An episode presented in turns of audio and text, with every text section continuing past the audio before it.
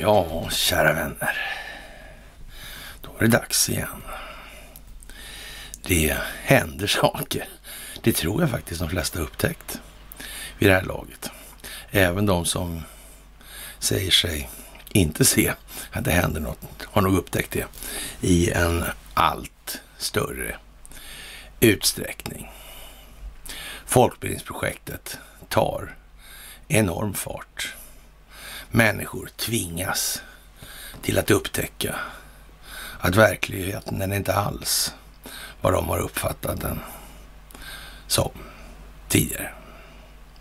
Det här handlar om att skapa optiken, bilden som gör att människor kan identifiera sig själv och sina känslogrundande värderingar i ett annat sammanhang ur ett vidare perspektiv.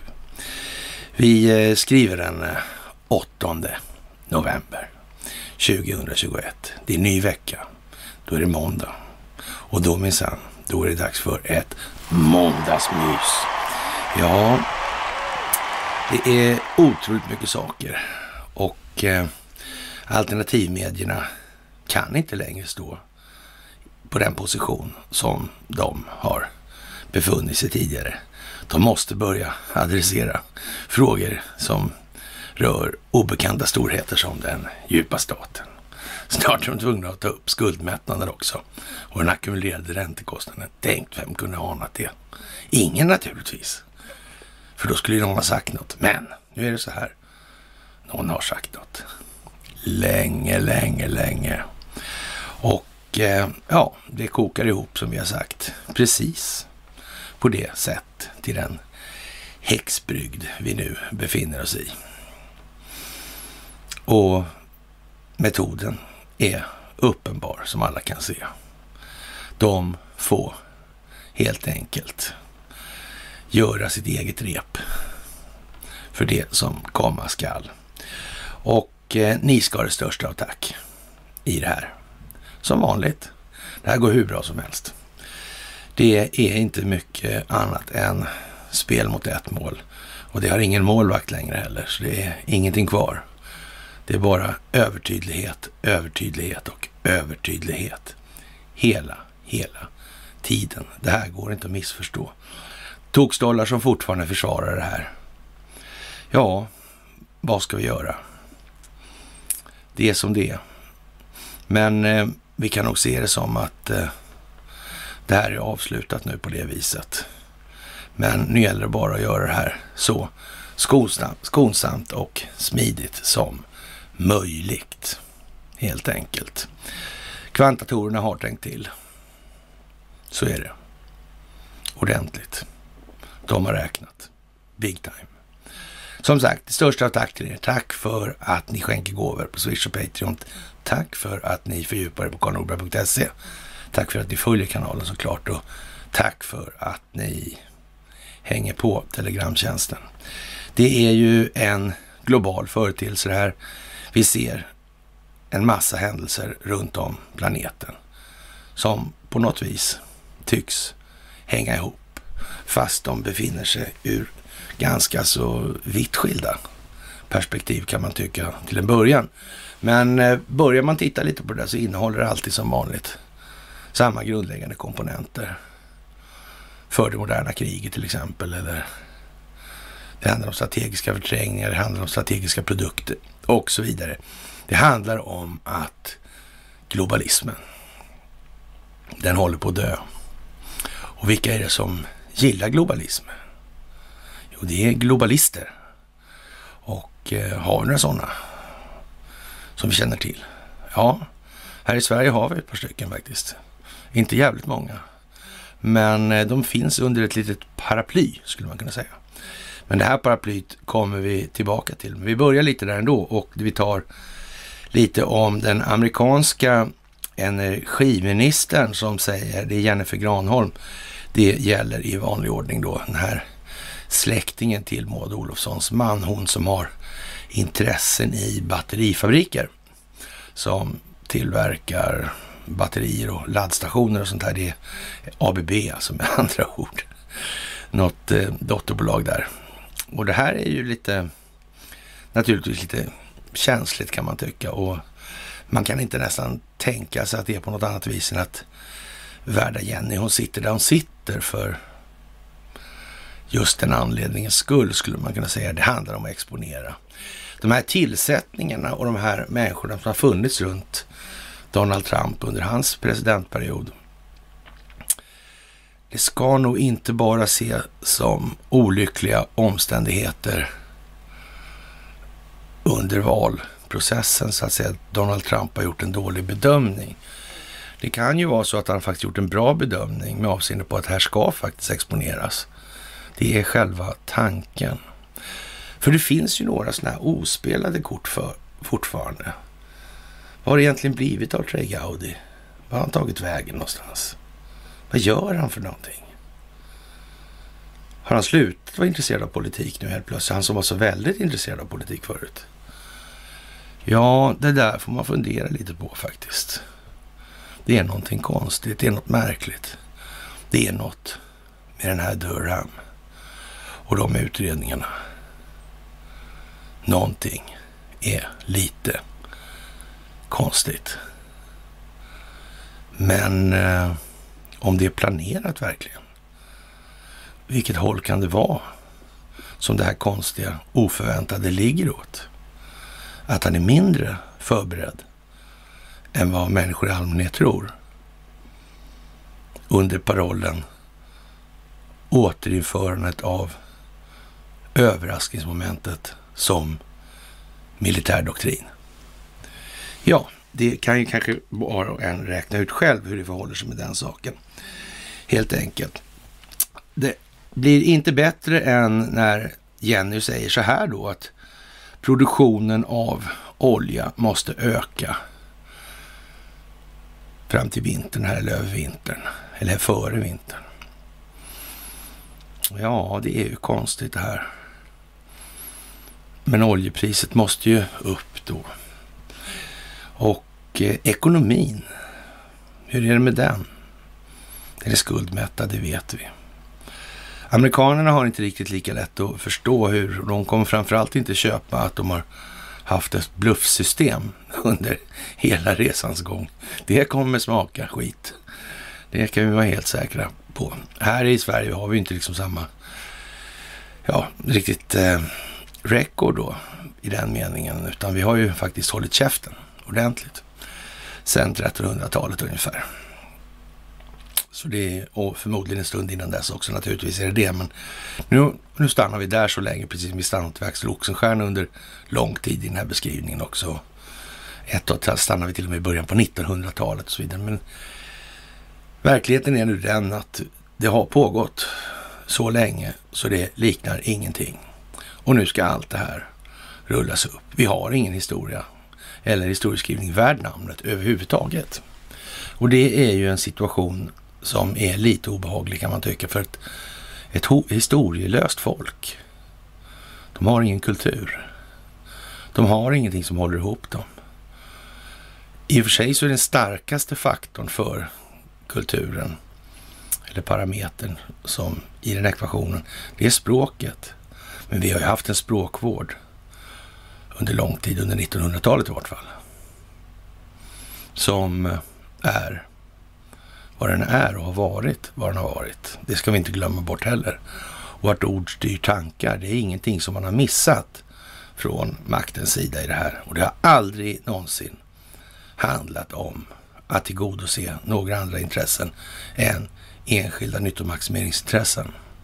Det ska man ha jävligt klart för sig idag. Faktiskt. Och eh, den politiska marionettbaletten. Nätstrumpor på allihopa, högklackat. Handväskorna i bordet. Ryter de ifrån. ja, det ser seriöst ut. Skitbra, skitbra, skitbra. Ja, vi sitter ju som sagt intimt kopplat med USA då och det kommer naturligtvis att eh, belysas med all önskvärd tydlighet framgent. Och ingen kommer vara det minsta osäker på vad det är som ligger till grund för det här. Och nu kommer ett flygplan låter det som. Vi kallar dem vikingar, men eh, vad betyder det? Historiska museet har en utställning och det är just det. Den här luckan. Hur stor är, är den egentligen? Med Doggerland och allt det här. Är det bara en liten passage? Men hade den kanske geopolitisk signifikans ändå då? På något vis. Det kanske hade något med Konstantinopel att göra, Mehmet den andra till exempel. Spelade religionen en roll i det sammanhanget för handelsvägarna, naturresursflödena? Var det någon betydelse i det där överhuvudtaget eller var det meningslöst bara? Det var bara, bara sånt som hände för folk trodde på stentavlor eller brinnande buskar eller någon som delade Röda havet eller hur var det där egentligen? Det där är konstigt. Eller inte så konstigt. Om man tänker efter lite grann. Det är ofta det det handlar om. Eftertanken. Eftertanken. För att se.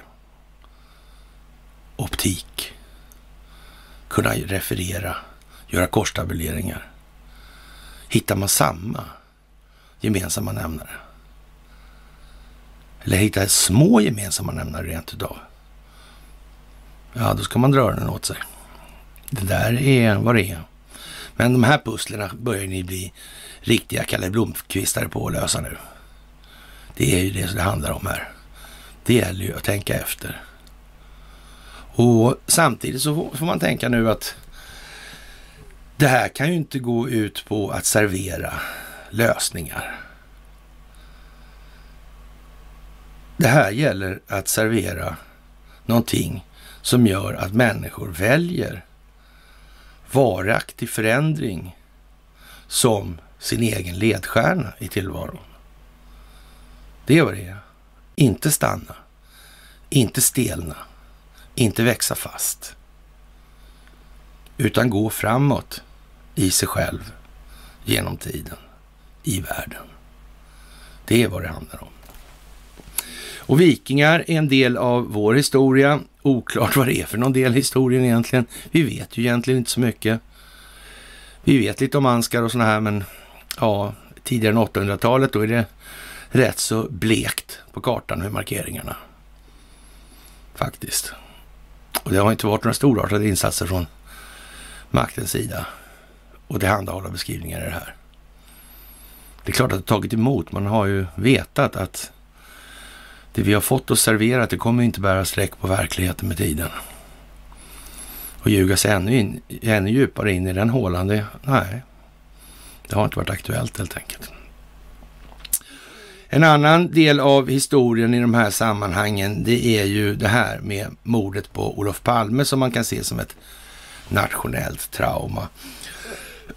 Och den kommer också upp nu där i en liten Netflix-serie på fem delar och den där är rätt anmärkningsvärd måste man säga. Och vi kan väl säga så här, vi återkommer till den lite senare i det här eh, myset. Och Eh, ja, det är ju en del passager där som är intressanta. Och om man tar sig en sån här bok som Hans Holmers bok i de här sammanhangen med när människor känner till det och allt om det här så kommer Sverige skaka i sina grundvalar och det är nog faktiskt veckans understatement. Eller det var nog den veckans understatement i alla fall. Det räcker inte på långa vägar. Och Inga-Britt Ahlenius tyckte att man skulle utreda Stay Behind. Vad det var, vilken roll hade de nu egentligen? Kan den här Stay Behind-historien kanske kopplas till rent av det här eh, moderata politikergänget i Täby kanske? Ja, finns det några moderater som kommer från Täby överhuvudtaget? Eller känner du till någon som på riksnivå kanske? Mm. Kan det vara sånt som ligger i det där tro? Någonstans. Mm. Kanske det finns stay behind militärer i det där någonstans på något vis. Det var ju trots allt nära det där huset där Stay Behind satt och häckade i många år. Mm. Hur kan det vara med det där egentligen? Ja, det är många saker som är konstiga. Kalla kriget har en konstig historia också. där med Ryssland som kärnvapenmakt och de här makarna Rosenberg som stal en atombomb. ja, det var väl sådär va. Ni får väl eh, googla det och se om ni hittar något intressant hur det gick till när Sovjetunionen fick sitt atomvapen. Ja, eller hur det kanske inte gick till ska man då lägga till så för säkerhets skull slipper ni springa snett i början. Mm. Jaha, Kina tycker då att det är brottsligt att stödja Taiwans självständighet. Och vad har det där med varandra att göra nu då? Det kan ju inte enbart vara att man lärde sig navigera på Näsby Park när Sjökrigsskolan låg där i alla fall. Det kan inte bara vara det, men det kan vara lite det i alla fall. Det kan det nog vara faktiskt, det ska man ju säga. Ja, för Kina har ju den idén alltså. En fullkomligt vansinnig idé det här. Nu springer de runt och skriker också att det här är slutet för globalismen och så här. Ja, globalismen, vilka var det nu då? var de där ja. ja. De kan man nästan nu som svensk räkna ut att de de där, det är, de, eh, det är det fåtal svenskar alltså på ett, eh, ja, brutalt vis lägger sig i Kinas inre angelägenheter, om vi säger som så. Och, ja, och så vidare. Men då återkommer vi också till och eh, att de här fåtalet svenskar också då huserar med sina globalistföretag i Taiwan då. Det ska man nog inte underskatta betydelsen av heller i det här. Och när man eh, ja, börjar från kinesiska statens sida säga sådana här saker som att det är brottsligt att stötta Taiwans självständighet.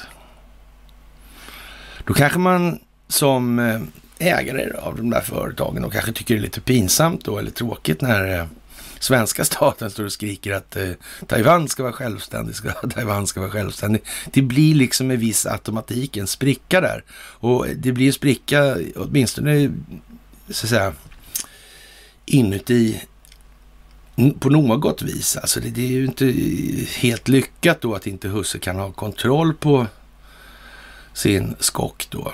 Om han nu har bestämt sig för att vika sig för kineserna. Och där har vi väl ganska uppenbart så att det är ju inte så att Investor står och är morska mot den kinesiska staten av förklarliga skäl. Därför att den kinesiska staten har inte samma sätt att se på människor, helt enkelt.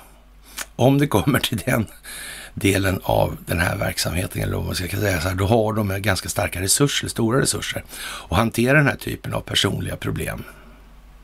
Det är som sagt ett fåtal svenskar det rör sig om. Och vi kan väl säga så här, det kinesiska underrättelsetjänstkollektivet har säkert eh, mer städpersonal än vad de behöver för att ta hand om det här, om det skulle uppstå behov, om vi säger. Det kan vi vara helt säkra på. Så det är liksom inget alternativ i det här, utan det här ska spelas enligt regler och under ordnade former. Och det här ska spelas för att befolkningar, då inte minst den svenska befolkningen, ska få en bild av hur det här har sett ut egentligen genom historien och utifrån den bilden senare fatta sina beslut om vad det är de ser framför sig som optik. Det här är spelet hela tiden. Om och om och om igen. Det är bara så. Och vi hjälper till i det här allihopa. Och det gör vi ju väldigt föredömligt som jag ser det. Vi ligger längst fram i det här och eh, det är ju tacksamt nu naturligtvis när det så att säga, går ihop, när det konvergerar nu så ända in i helvete. Det blir inte armbågslucka ens kvar i det här. Jaha, och det tar sig massor med olika uttryck då, för det här är planerat sedan evigheter tillbaka. Evigheters evigheter helt enkelt. Ja, och eh, det är tunneldags till exempel. En detalj som eh, gick lite konstigt, det är det här med Tunnelgatan när det gäller med Palme. Vi hoppar ut och in i Palme lite grann den här gången för att finns det verkligen inga dörrar där? Eller har det funnits dörrar i den här tunneln? Från Sveavägen sett till vänster, har det någon gång gjort det? Varför byggde man igen så många ingångar och utgångar på Tullhuset för 2009? Varför gjorde man det? Sprang det så mycket folk där eller? Eller vad? Om Engström sprang ut genom den där dörren till exempel och i 50 minuter var den olarmad, eller så, var larm, larmet på då. Kan några fler passerat ut och in i det där? Men om det är en sån organisation och struktur bakom det där upplägget, då tror väl fan det att det är att rota i det där, det är ju inte det lättaste med hänsyn taget till att man vet ju fan inte var man ska sätta fötterna. Det är ju ett minfält naturligtvis. Och hade man tillräckligt höga ambitioner och så vidare och resurser, ja då på den tiden, de som gjorde det här. Mm. Som sagt, kände de några i underrättelsetjänsterna? De här stay behind-entusiaster och sånt där. Vilka var det som drog nyttan av kalla kriget? Och så vidare. Hur var det här egentligen? Mm, som sagt, vi tjatar om de här tunnlarna för de kommer att komma tillbaka. Tro ingenting annat. Det är bara så. Det är bara så. Och i analogi med det här då, eller i koppling till det här, så konstaterar man då på TV4 att pengarna skulle gå till eh, undervisning, men de gick till Somalia. Och eh, ja, jag vet inte, det är mycket så här... Eh, alltså Sida och de här verksamheterna. Nu är det ju liksom det ingen som missar det här, vad det är för någonting och vad det har varit för någonting och vad det har syftat till. Och det handlar om koncessioner, det handlar om utvinningsrätter och sådana här grejer alltså. I andra länder. Det handlar om mutor. Det handlar om kickbacks. Och så vidare. Varför har utrikesdepartementet knappt en bokföring och varför har Sida ingen alls? Hur kommer det här sig egentligen? Är det, är det liksom riktigt lämpligt? Är det olämpligt? Varför har ingen gjort något åt det?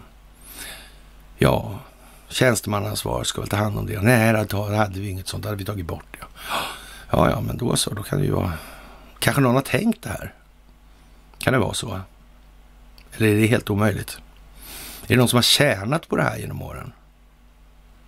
Ja, vi får väl se. Det visar sig. Det visar sig senare i det här myset redan faktiskt. Och eh, jaha, det är ju lite sådär eh, speciellt med sakerna som händer samtidigt. Och i USA har vi ju den här Durham-utredningen då. Och det var det här fönstret som öppnades när han åtalade den här Sassman som jag pratade om då. Och det här i sin tur leder ju då vidare till vidare åtal och så vidare. Det har varit alltså en kedja av olika brottsliga gärningar och handlingar för att få stopp på den här verksamheten som Donald Trump har bedrivit då. Och eh, han kom ju då med valet 2016 i precis en inflationspunkt som var beräknad för det alltså. Och ja, och det måste vara så det skulle göras. Det kunde aldrig ha blivit på något annat vis heller. Och det här var förberett sedan lång, lång, lång, lång, lång tid innan dess. Så. Nu har den här ryska analytiken hur som helst då, ja, han som var med och medverkade den här stildossien då, han har blivit åtalad för att ha ljugit för FBI och sen håller det på så här. Och det kommer att fortsätta med. Och ovanpå det har vi det här med den här dagboken. Joe Bidens dotter. Det är för dumt alltså. Det är för dumt nästan. Men det är möjligt att det är så. Men man lät det vila på något vis ett år. För att det här handlar om timing.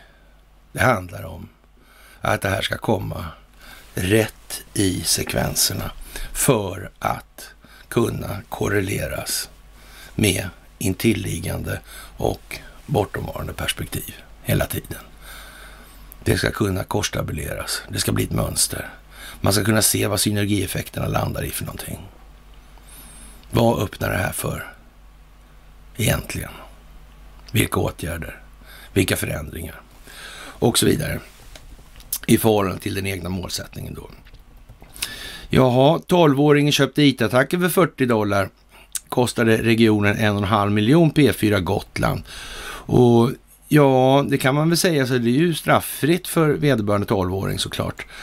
Och man kan ju knappast belasta då de här föräldrarna heller, för de får inte ens bestämma om barnet är ja, vuxet eller inte, för det klarar ju vissa sjukvårdsinstanser av att bedöma om barnen kan bedöma. Så redan där blir det lite konstigt med det här, det svenska rättssystemet. Kan det vara en tanke bakom det, tror Jag menar, och, och normalt sett om vi inte hade den här situationen där man då låter barnen bestämma och, och så vidare. Ja, då kan man ju tänka sig att det går att, så att säga, lägga på lite ansvar på föräldrarna för att de inte haft barnen under uppsikt medan de har gjort sådana här saker. Men eh, all den stund man så att säga börjar då tycka att nej, men de kan bestämma det själva om de ska vaccineras. Ja, då blir ju hela liksom påföljdshistorien i det här rättssystemet med straffmyndighet och så där. det blir ju väldigt märkligt. Kan det finnas en tanke bakom det tro? Mm, det kan det nog göra. va? Det kan vara någon som har tänkt på det där helt enkelt. Ja, som sagt, det är ju en bra utväxling då, 40 dollar mot en och en halv miljon kan man ju säga. Mm. Jaha, och UD uppmanar alla svenskar som befinner sig i Etiopien att lämna landet. Som ni märker så kan vi röra oss rätt obehindrat runt klotet nu och ändå prata om i stort sett samma figuranter i det här. Och eh, ja, det ska man ju säga att de har ju en bandbredd som heter duga som lyckas hålla igång alla länder i hela världen på det här viset som de gör. Det måste man ju ge dem i alla fall. Men, men eh, ja, det båtar nog föga vad det lider om vi säger som så. Alltså det kommer inte att gå bra det här. Och eh, som sagt, vi kommer tillbaka till det. Man uppmanar alltså alla svenskar som befinner sig i Etiopien att lämna landet. Detta då säkerhetssituationen i landet har förvärrats, skriver UD på sin hemsida. Flera oppositionsgrupper i Etiopien har idag gått samman i en allians för att avsätta premiärministern Abiy Ahmeds regering. UD utesluter inte att alliansen kommer att störta honom med våld. Avrådan gäller från och med den 5 november.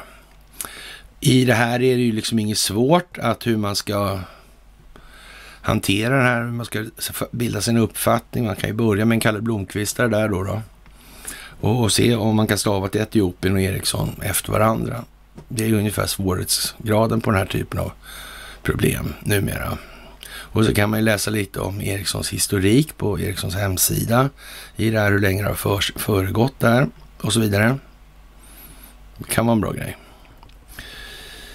Ja, och Eh, Jokkmokks kommun avvecklar klimatarbetet. Miljöstrategen tycker att det där är helt va vansinnigt alltså. Och ja, vad fan ska man säga? Vad ska man säga? Man kan väl säga att eh, det verkar som att vi här i Sverige med vår klimatikon, Sankta Greta, doktor, har, eh, ja, vi har gått i täten. Fast eh, nu börjar det visa sig att det var nog inte det vi gjorde. Faktiskt. Varför skulle SVT säga något sånt här konstigt? Hur kommer det sig egentligen? Det där borde ju de mörka direkt. För övrigt borde det inte finnas några kommunpolitiker som ägnar sig åt den typen av vidlyftiga utspel. Det är också som det är, kan vi konstatera. Det är inte som förr. Någonting är annorlunda. Jaha, en annan lirare som är ute och reser mellan varven, höll jag på att säga, men Löfven får pris av judiska församlingen och eh, ja, det där med religionerna. Det är vad det är. Och den typen av sagostunder slipper vi framgent. Folk får hållas med vilka manföreställningar de än föredrar, så länge det här inte går ut över andras lika rätt. Så är det. Det här är inte svårt. Det är mycket enkelt nu. Jaha, och eh, det blev en liten notis om det här med spelrestriktionerna. De upphör mellan den 14 och 15 november och eh, ja, midnatt där. Och maxtaket på 5 000 spänn insättningar per vecka för kasinot tas bort. Dina nuvarande insättningsgränser fortsätter att gälla som vanligt. Och det där är ju liksom en intressant grej. Egentligen. Om man nu vet att det här systemet är dödsdömt. Till exempel. Mm. Och sen händer en massa andra saker. Man vet att de måste försöka dra omkull trovärdigheten för ekonomin, eller ekonomiska systemet, utan att för den skull få ett jävla kaos på halsen. Det måste alltså finnas utvägar i det här, öppningar, utgångar på något vis. För att skapa någon form av glidning i det här. Såklart. Mm. Och det är ju lite speciellt. Jaha, och Jenny igen då då. Det är dags för henne att eh, sitta och skratta i tv på ett eh, lätt Kamala Harriskt eller sätt då. Och det kan man ju kanske tycka är ju inte så där jävla uppbyggligt för förtroendet, det kan man väl säga. Det är liksom halvklent då, till klent. Men eh, det här på frågan då om hon kan tänka sig sänkta drivmedelspriser eller när det kommer att ske.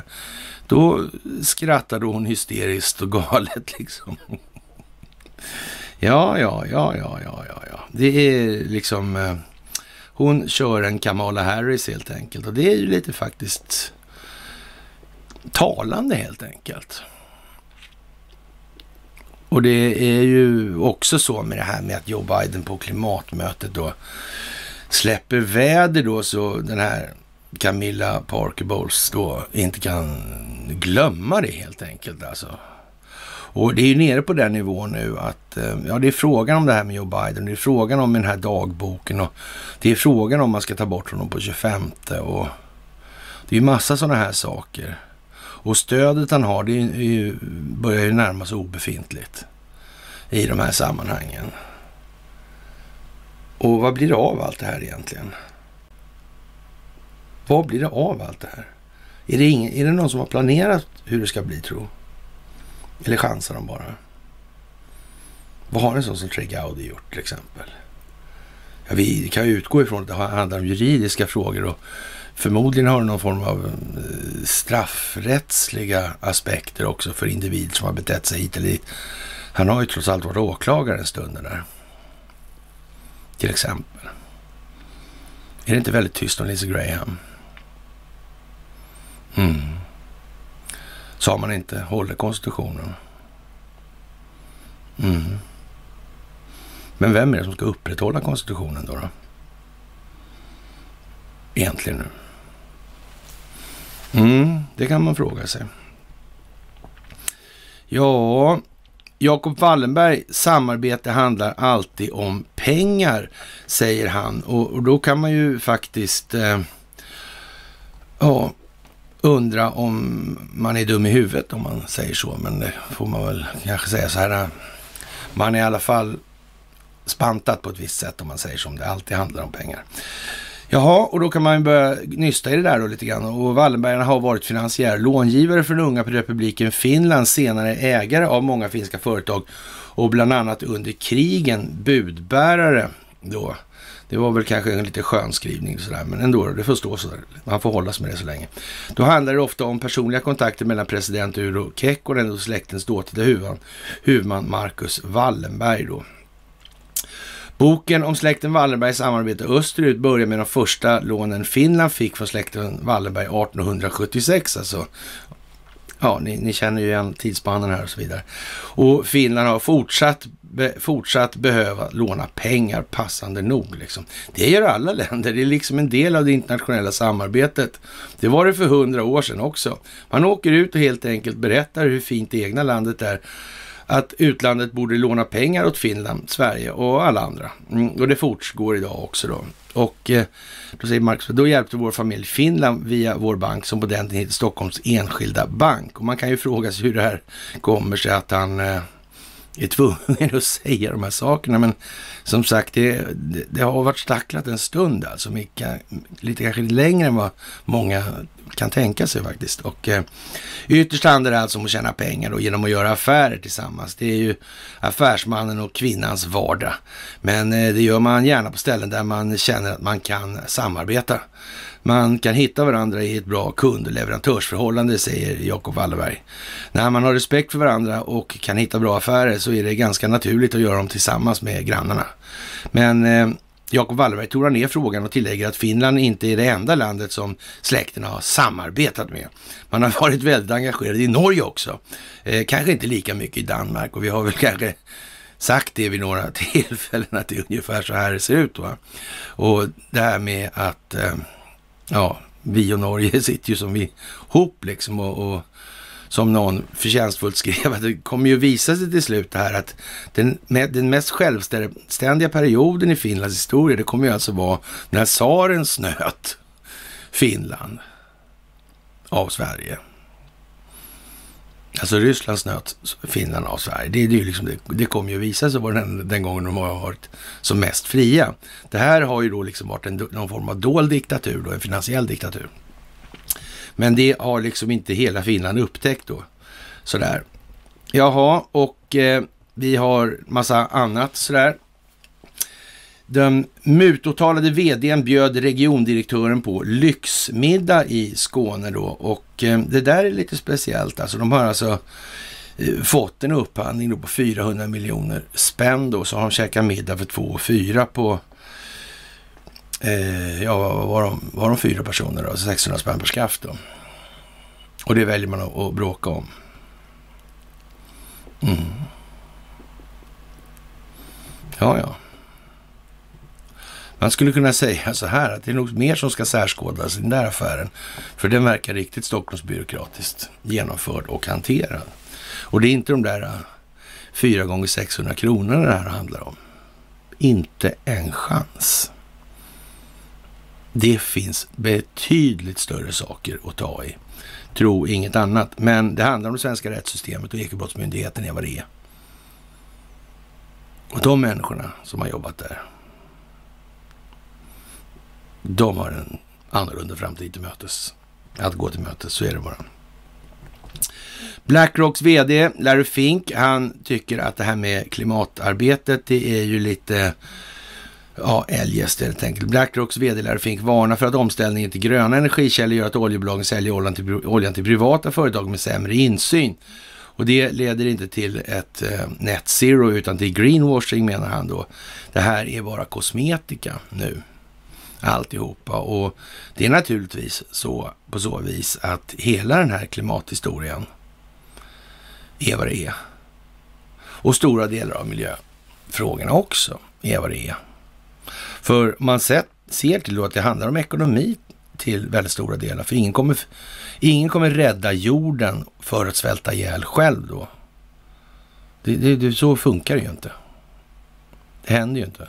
Några kan ju offras alldeles säkert sådär. Men, men, men eh, ja. Inte utan mening så att säga. Alltså utrota mänskligheten för jorden ska leva. Jaha. Vad spelar det för roll för människan då människan inte finns kvar? Det är ju liksom inget option liksom. Och det här börjar krypa in i medvetandet hos människor i en långt större omfattning än tidigare. Och ju fler sådana här eh, kommunpolitiker som ställer upp och säger nej vi skiter i det där alltså. Det där är ju rena nyset. vi har pensionärer som, flyt, som fryser ihjäl, höll jag på att säga, men som svälter ihjäl och så vidare. Och vi i det här lilla landet som står för ingenting av utsläpp, men vi ska hålla på och späka oss till vad då för? Varken USA eller Kina lägger två strån i kors vid en jämförelse. Så vad, vad, vad är syftet liksom? Vad, vad, vad, ska vi vinna på det och vad ska jorden vinna på det? Vem är det som ska vinna på att vi gör så? Ska vi bli ett land av martyrer som dör då? Och sen kommer alla efteråt. Och vad synd att svenskarna dog. De dog ju, dör ju också i alla fall eftersom de har gjort så fel. Det är ju liksom lite som det är det här nu. Jaha, det blev en god vecka för Donald Trump då i förra veckan. Då. Först vann Republikanerna viktiga valsegrar och sedan greps mannen som var huvudkällan i en rapport som anklagat Trump för samröre med Ryssland. Källan hade ljugit.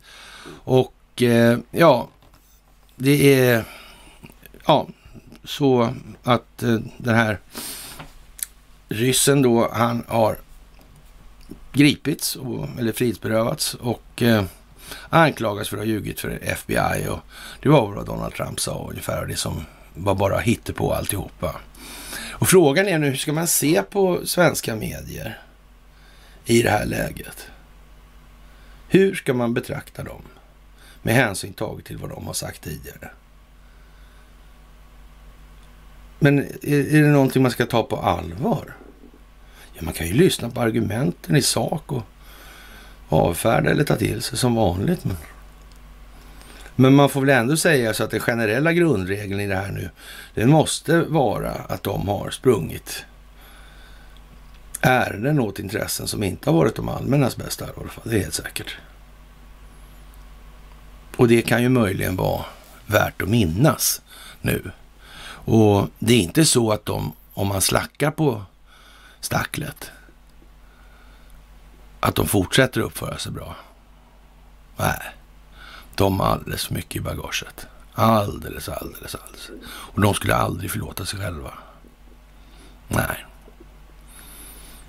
Då hade de ju gått ut och sagt det. Vi har gjort så här därför att jag förstår att det är fel. Mm. Det borde vara så här istället jag gör. Mm. Men de gör ju inte det. Nej, de gör ju inte det. Precis. Men som sagt, det är planerat det här. De har inget val heller. Man kan inte chansa på att de ska göra som de gör nu. Det är precis som med invasionen av Irak. Man kan inte chansa på att några generaler kommer på idén att äh, men vi lämnar ut Saddam och hans söner. Så, här har ni honom. Då kan ni vända här. Vi har gjort rent hus i den saken. Er anledning att komma in här är enligt er själva då tidigare i alla fall utagerad. Mm. Så. Och det är samma sak med de här tidningarna eller medierna. Det går inte att chansa på att de ska bli snälla.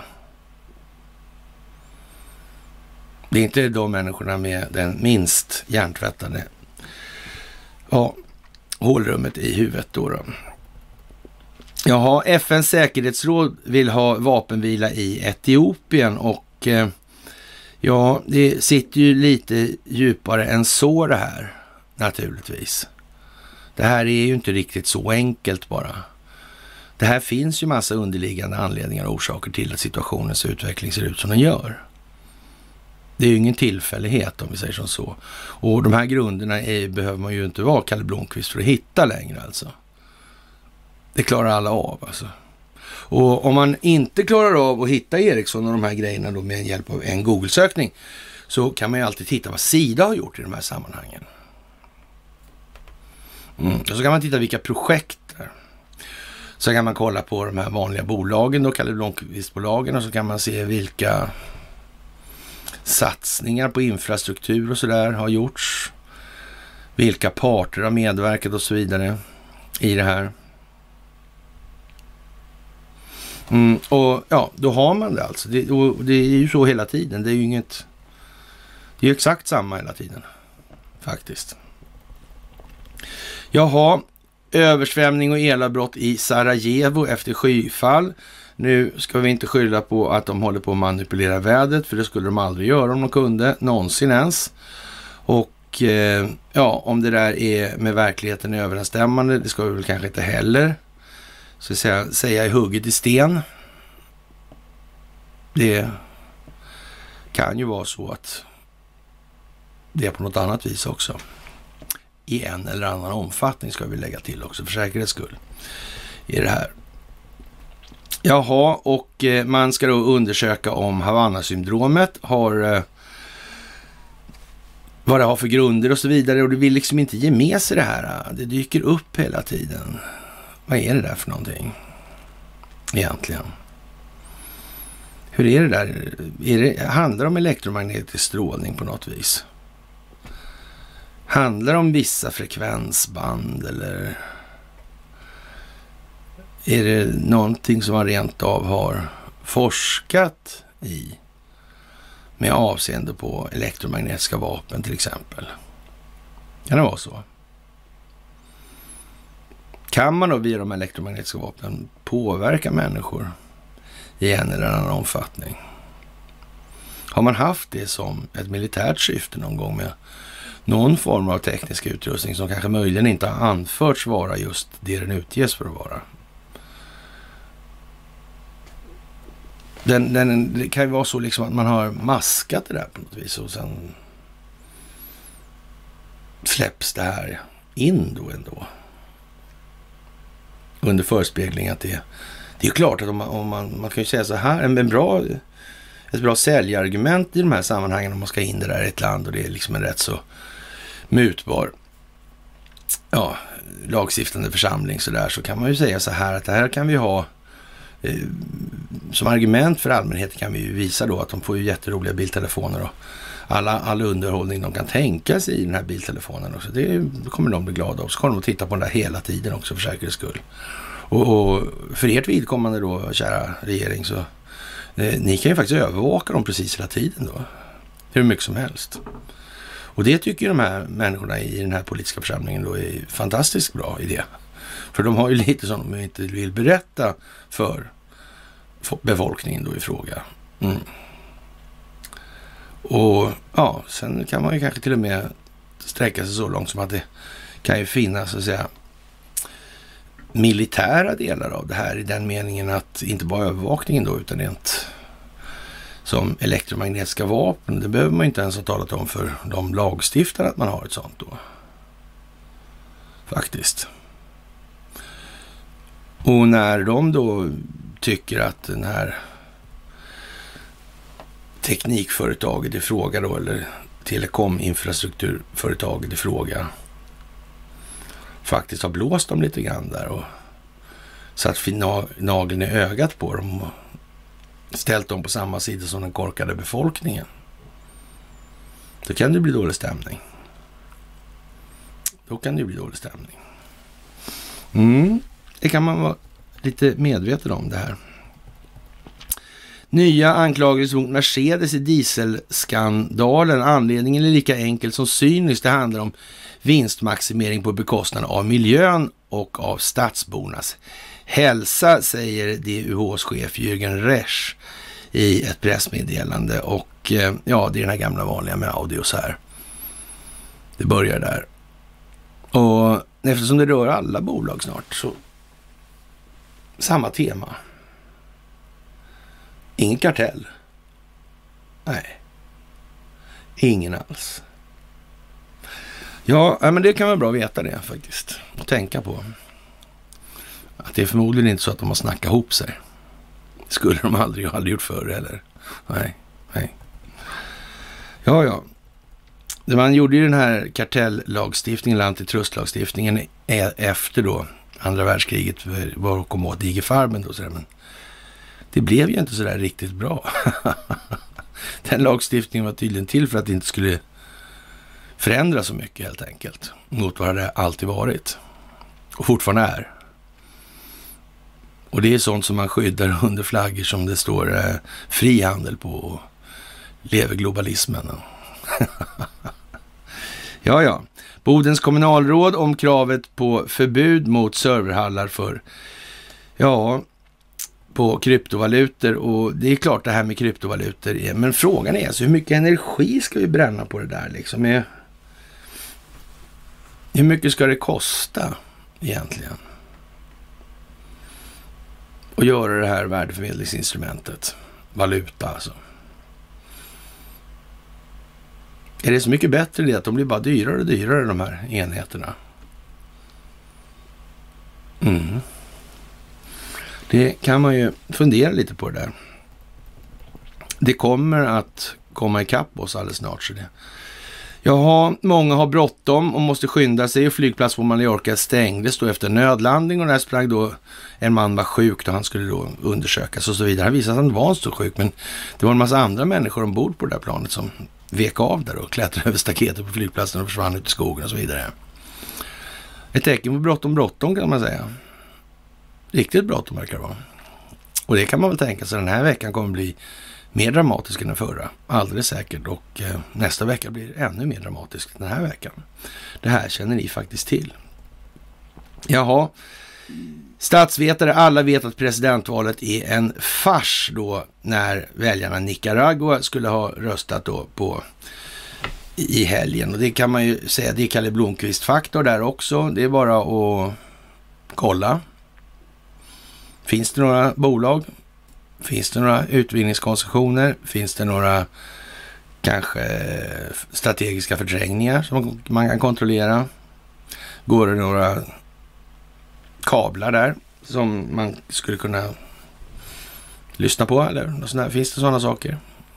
Och det finns alltid sådana saker i de här sammanhangen. Alltid, alltid, alltid. Det är bara så.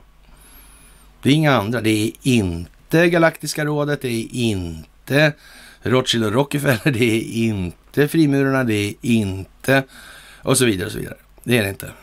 Nej, men de här sakerna de finns faktiskt alltid. De där liksom mera vanliga prylarna.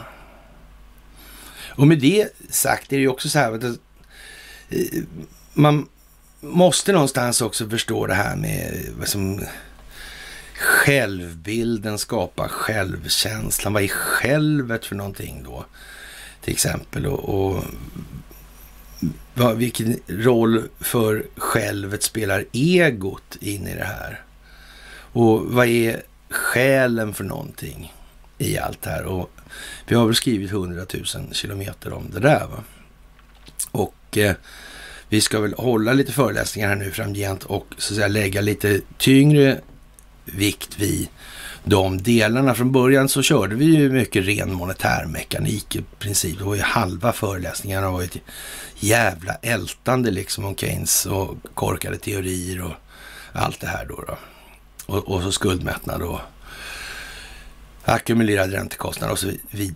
Ja, tillväxten då och så vidare. Och, så vidare. Men, men eh, och, och, det måste man ju ha liksom med sig i botten om man inte förstår alltså, vad som kommer med det här implicit i form av de här jävla det här valutafinansiella systemet. Då går det liksom inte svårt. Men så, och sen så körde man på geopolitiken efter det då. Hur, då så att säga, hur man måste från de här gamla Ostindiska kompani intressena måste man då skapa då kulisser för att det här ska kunna ges politisk trovärdighet då som då ska säljas in av en skockpolitiker. Då fick man göra lite krig och såna här grejer också då för att få upp volymerna lite på alltihopa.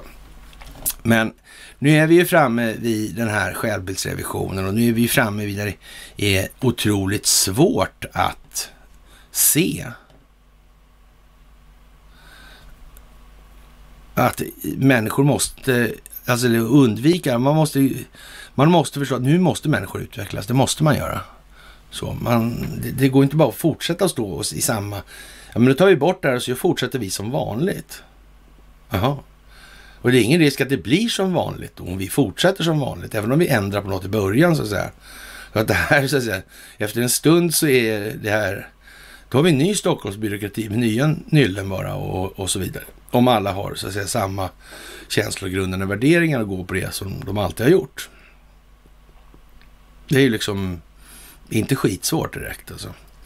Men nu är vi alltså framme vid det här där man kommer mer in på så att säga de, de själsliga eller emotionella delarna. Men, men de är ju inga delar som så att säga gör att eh, man kan strunta i allt annat. Så är det ju inte. Det finns ju kvar där ändå. Och sen att göra det lätt för sig då och säga så här, nej men det här är mera esoteriskt, alltså, eller då oförklarligt som man skulle kunna säga istället för esoteriskt. Och det är också sån här, ja, Alltså det, det blir lite begreppsskojeri i den där uh, new age-svängen. Alltså det, är ju, det blir lite så helt enkelt. Det är mera fair and square alltså att hålla sig på en något rakare prosa i den delen. Alltså det finns så att säga ganska mycket vidd kvar ändå att ta ut egentligen då, om man säger så här med den abstraktionshöjden på tanken till exempel. Hur många, alltså de här dimensionerna till exempel. Det är ju eh, ofta så att man, om man tar från Åsa-Nisses sida till exempel, så klagar han ofta på, eller har klagat vid flera tillfällen i vart fall, på Riksbanksrevisionen och deras begränsade förmåga till abstrakt tänk eller abstrakt, abstrakt tänkande. Och, och, det är ju just det här, det är inte, det är inte glasklart för människor det här att eh, och, och, en magkänsla är inte en tanke alltså. Det är inte det, det är en känsla det då. Nå, någon form då, i en eller annan tagning då. Och det här måste man faktiskt vara lite eh, skarp med alltså. Man kan inte glida för mycket på det här. Det blir liksom som eh, lite politisk själslig analys på något vis. Alltså det är någonting som blir ord för läpparnas bekännelse utan någon egentlig bäring på sakförhållandena i botten. Och det är ju inte som, det är ju ingen svårt självkänsla liksom. Det är, ja, visst det är en känsla man får vid betraktelsen av självet. Det kan man ju, behöver man inte vara så jävla analytisk för att få till den meningen i alla fall.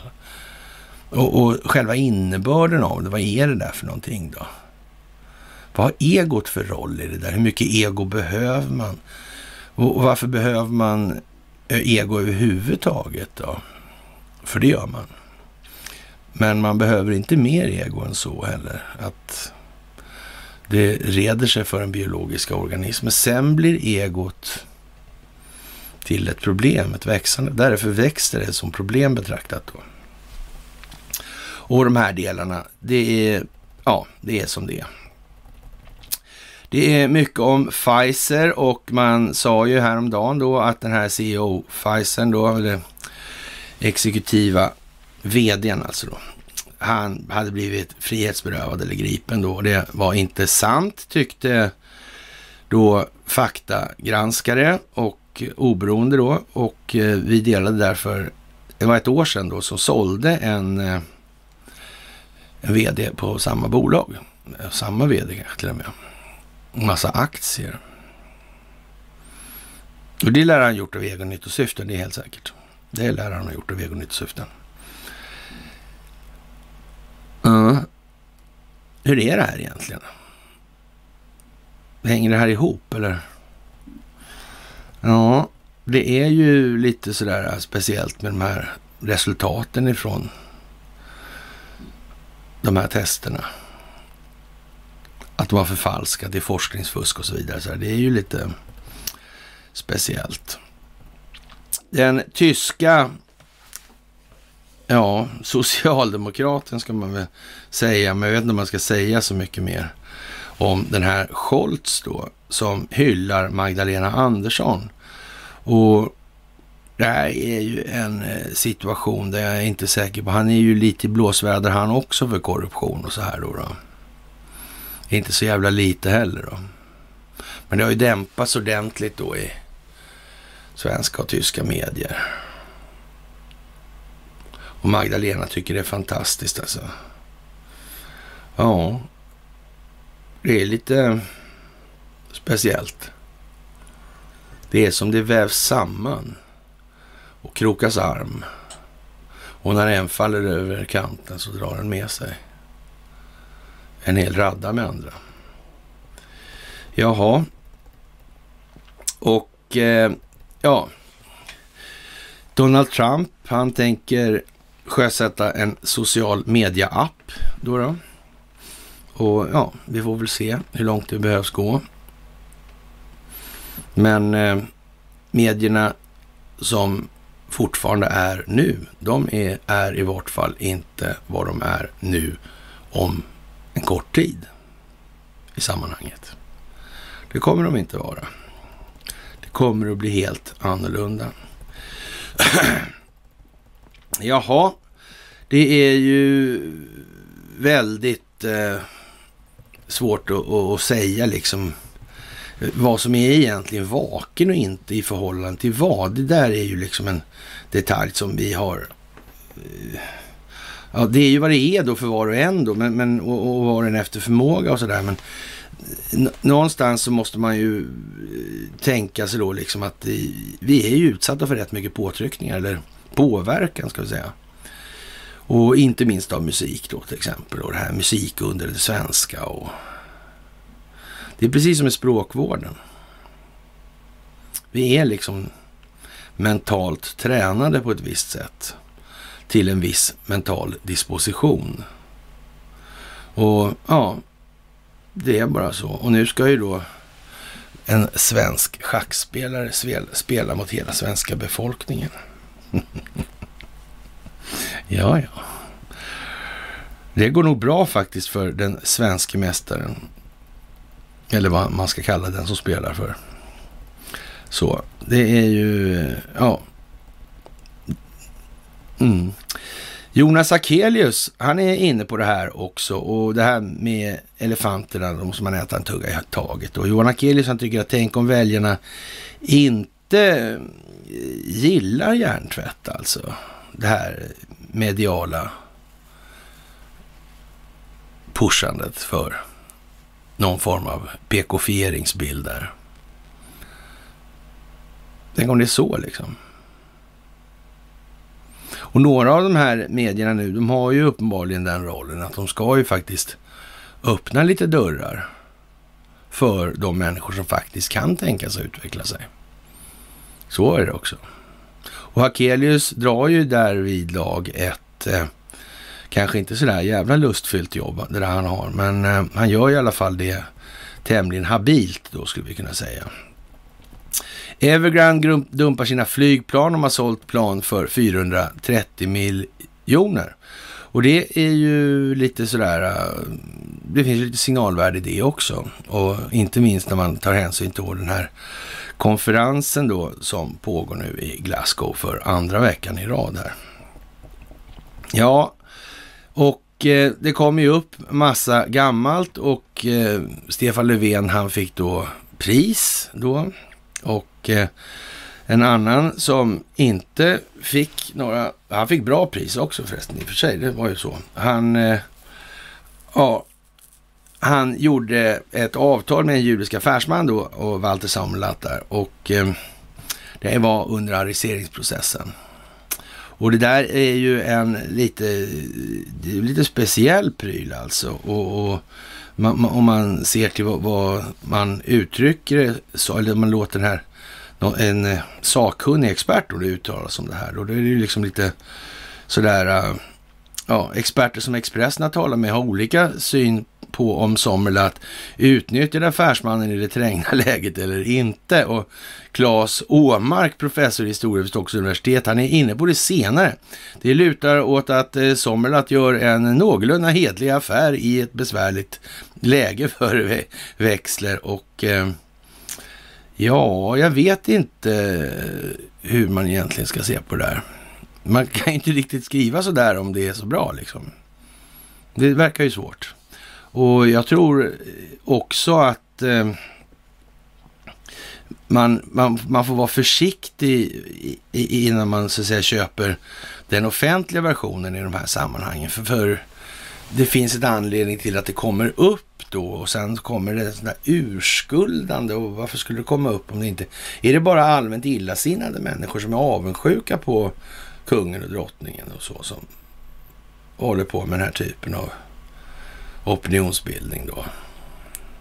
Men om man tittar på det här ur eh, ett lite vidare perspektiv. Om man tittar till exempel, till exempel på den här statsoffentliga utredningen 1999-20 och så vidare, senare 194-197. Då, då är det ju svårt, och det gäller ju bara den om Varvårbanken och det finns ju fler där alltså som... Hur var det här egentligen? Hur var det med det här ägandet av det där IG-farmen egentligen? För hur såg den svenska rollen ut i de här sammanhangen?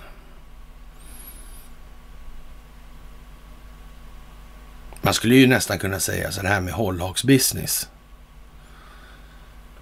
Det har ju varit vad det har varit. Det var ju tur då att kungen åkte till OS där och träffade Silvia då. Mm. Ja, men hon kände i alla fall inte. Men tänk om hon kände Ghislaine Maxwells farsa. Vore inte det lite komiskt? Då är cirklarna så att säga slutna. Det skulle ingen kunna säga det är slumpen, det är slumpen, det är slumpen. Det skulle ingen tro på helt enkelt. Det här är något annat. Så, men det vore lite komiskt, eller hur? Faktiskt. Det vore lite roligt. Sådär. Ja, det kanske blir lite Tulehus historier kring det där vad det lider. Vem vet, vem vet, vem vet. Vi, man vet i alla fall att familjen Hambro finns med i faggorna. Det vet man i alla fall, helt säkert. Ja, ja, hyenor och lejon och tigrar har smittats med covid-19. Men det är ju fruktansvärt. Tänk alla, ja, ja, när vi var på väg upp, i, upp mot Luleå där, och så, ja, långt ovanför Umeå och där alltså. Så. Ja, och det var ju ganska vidsträckt och ganska långa raksträckor. Och så, jag har tjatat med jag vet att ni tycker det är jobbigt, men det var jävla raksträckor alltså. Ja, och ja, vad ska man säga i alla fall? Ja, där var det ju tätt mellan tigrar, hyener och lejon och sånt där. Alltså, så, och de som var där och, och sprang runt, de hade ju faktiskt munskydd på sig sådär. Det är ju så. Och då undrar vi vän av ordning, hur kommer det sig då liksom att om det nu är så här tigrar, lejon och hyener har fått det här covid då i, i andra länder och sådär. Vad är det som säger att inte våra björnar och vargar och lodjur har covid? Ja, vad ska vi göra åt det då? ja, ungefär så va. Jaha, David 67 eh, förgrep sig på 100 döda kroppar och eh, ja, nu finns det förfinad DNA-teknik då och då kan man ju misstänka då att den här förfinade DNA-tekniken den kan ju innebära att man kan få så att säga, brott, genombrott i utredningar där man annars inte har kunnat haft det då. Kanske inte kunnat alltså. Mm. Eller också har man hållit det här på en viss given nivå för att åstadkomma vissa ja, förundersökningseffekter då, eller sökta effekter i det här. Och eh, det bar sig inte bättre då när de avslöjade det här förleden, för några år sedan, att det här SKL håller sig med någon form av register då på DNA-profiler som bedömdes som otillräckliga. Har man sparat det här ändå på något vis? Jaha. Vad lustigt. Man kanske visste. Och man kunde använda det som utpressning. Mm. Kan det vara så? Det säger väl i så fall att eh, ja, Stockholmsbyråkratin den har i alla fall fastnat hårt i institutionerna. Så är det. Jaha, hela Zambia strömlöst efter oidentifierat fel. Hela Zambia saknade på lördagen el sedan ett oidentifierat fel inträffade hos statliga elbolaget Sesco. Och eh, vad ska man säga? Det är ju som det är. Det är bara att ringa Kalle Blomqvist och se vilka det är som håller i trådarna och kraftförsörjningen och så vidare. Och så är det som det är igen.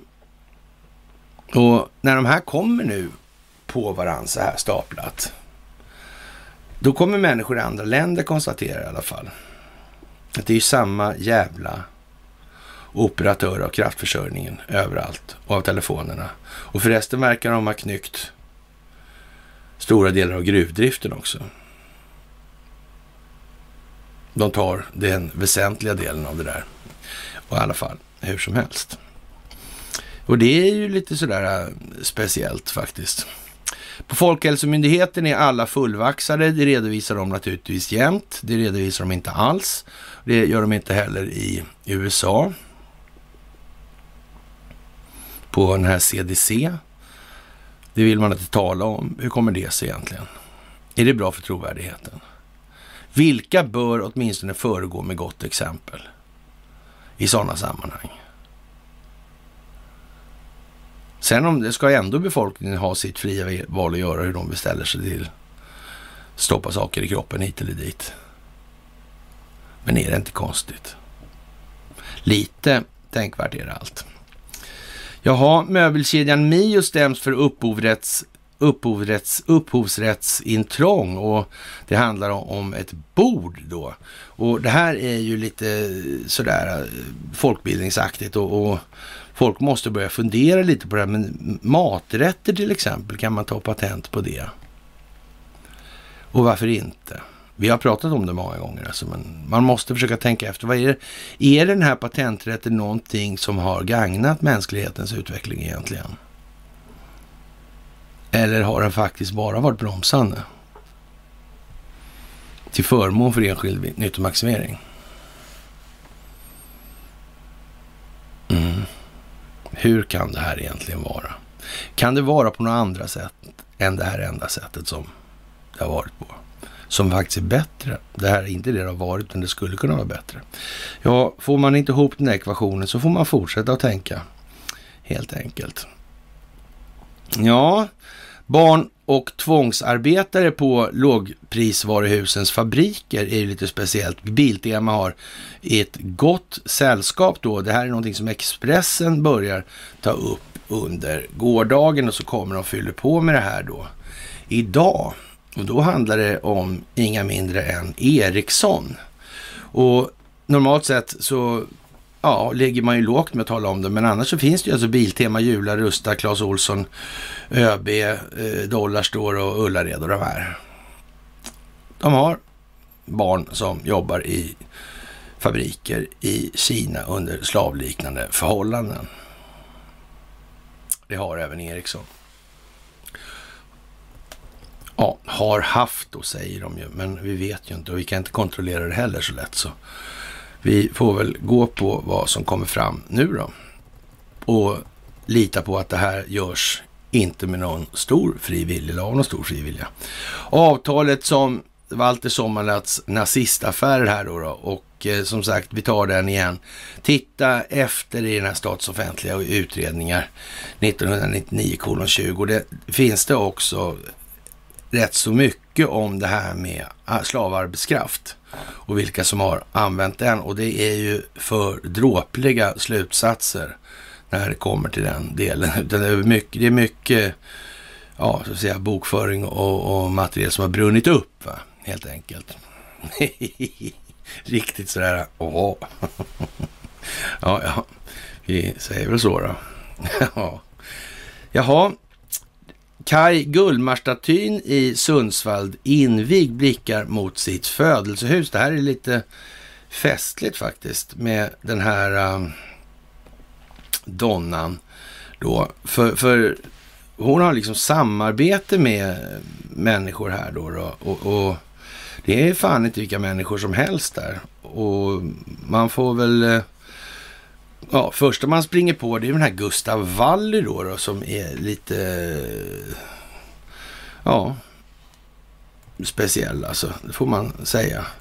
Och eh, ja, den här Wally var son till diplomaten och affärsmannen As Axel Wallenberg då.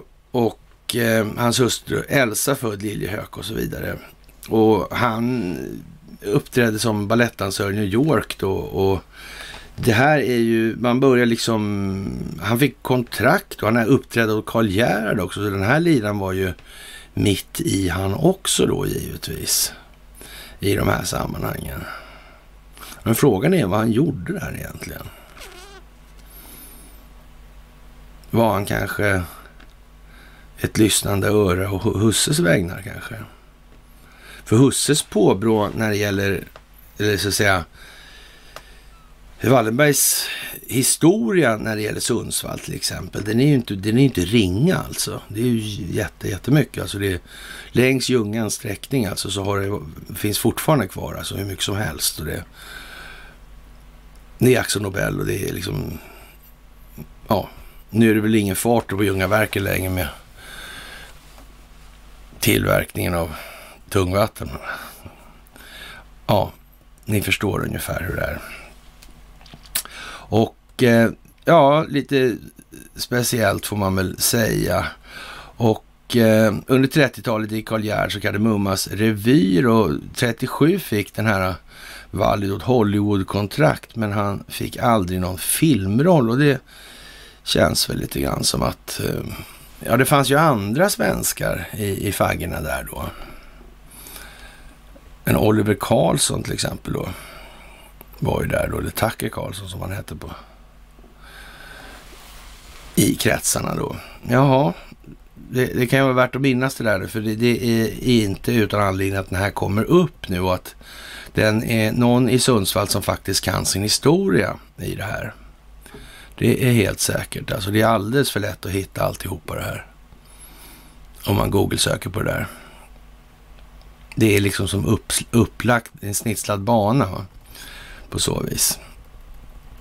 Jaha, och eh, ja, vi delade något för, som vi skrev för några år sedan här, eller något år sedan, för om frihet betyder något alls så betyder det rätten att berätta för människor vad de inte vill höra. Och det är ju faktiskt lite så.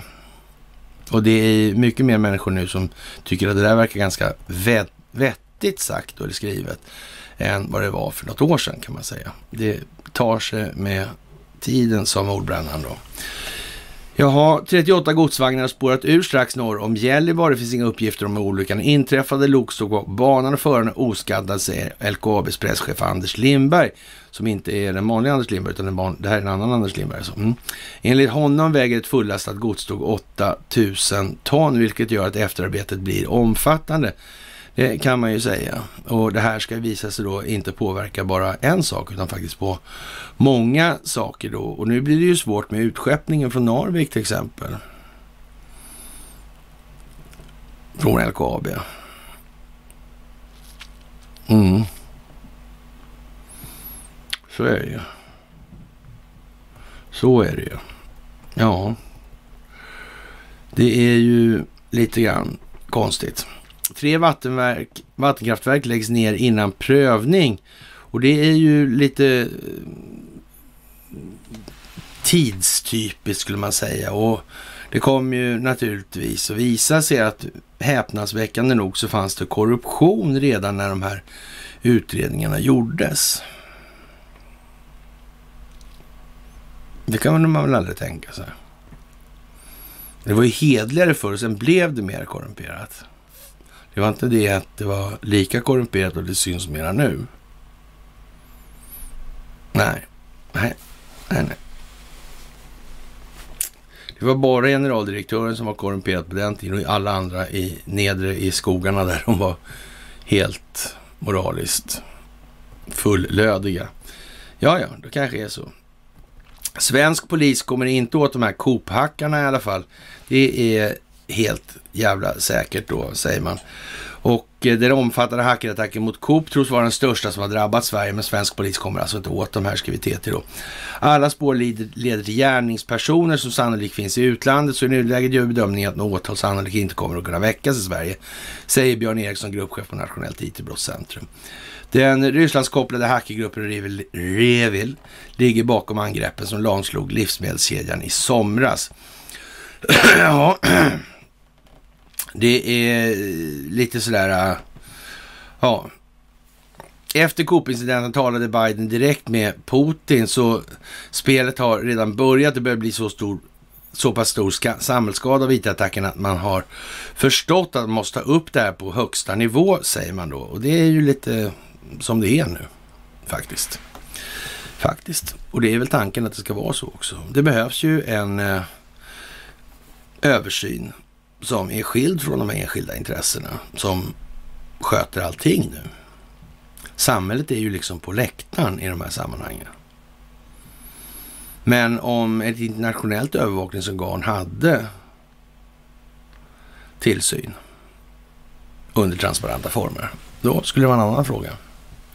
Och det är väl någonting som kanske möjligen en annan kvantdator har klarat att räkna ut också. Det är väl så. Jaha, och eh, 13 republikaner röstade igenom Joe Bidens stora infrastrukturpaket som vart då en eh, biljon istället för tre och en halv eller vad det var. Och det vart ju inte så mycket kvar. Det bidde nästan ingenting, bidén. Ja, och eh, ja, det är väl de här 13 republikanerna röstar för Joe Bidens stora infrastruktur fattar ett dåligt beslut som representerar ett svek, skriver man då i en analys i National Review. Och eh, möjligen kan det vara så alltså. Att man måste städa republikanerna, jag vet inte, det var ju retoriskt sagt naturligtvis. Det är klart att det är så. Så är det. Det handlar, det andra är ju bara... Det får ju i alla fall Biden skuld för, men det är bra att de röstar här så får man klart för sig vilka de är och hur man ska förhålla sig till dem då i det vidare faktiskt. Ja, det är som det är med den saken. Konservativ skepsis kring den globala uppvärmningen och det gäller då i England. Alla brittiska politiker är inte övertygade om den globala uppvärmningens orsaker och konsekvenser, skriver The Independent. I en enkät till Eh, fler än hundra brittiska parlamentsledamöter svarade var tredje Torypolitiker att de inte tror att extremväders kraftigare förlopp och vanligare förekomst kan förklaras med klimatförändringar.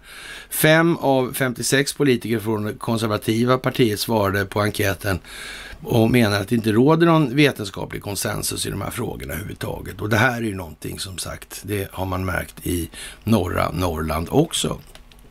Uppenbarligen. Och det här sprider sig. Det är alltså snart ganska få att säga att jag tror inte på den här skiten längre. Eller rättare sagt, jag har aldrig trott på den. Någonsin ens. Så. Det där är ungefär som med covid. Det är en hypad grej alltså. Det är mediernas baby. Atombombskräcken. Det är väl det första exemplet.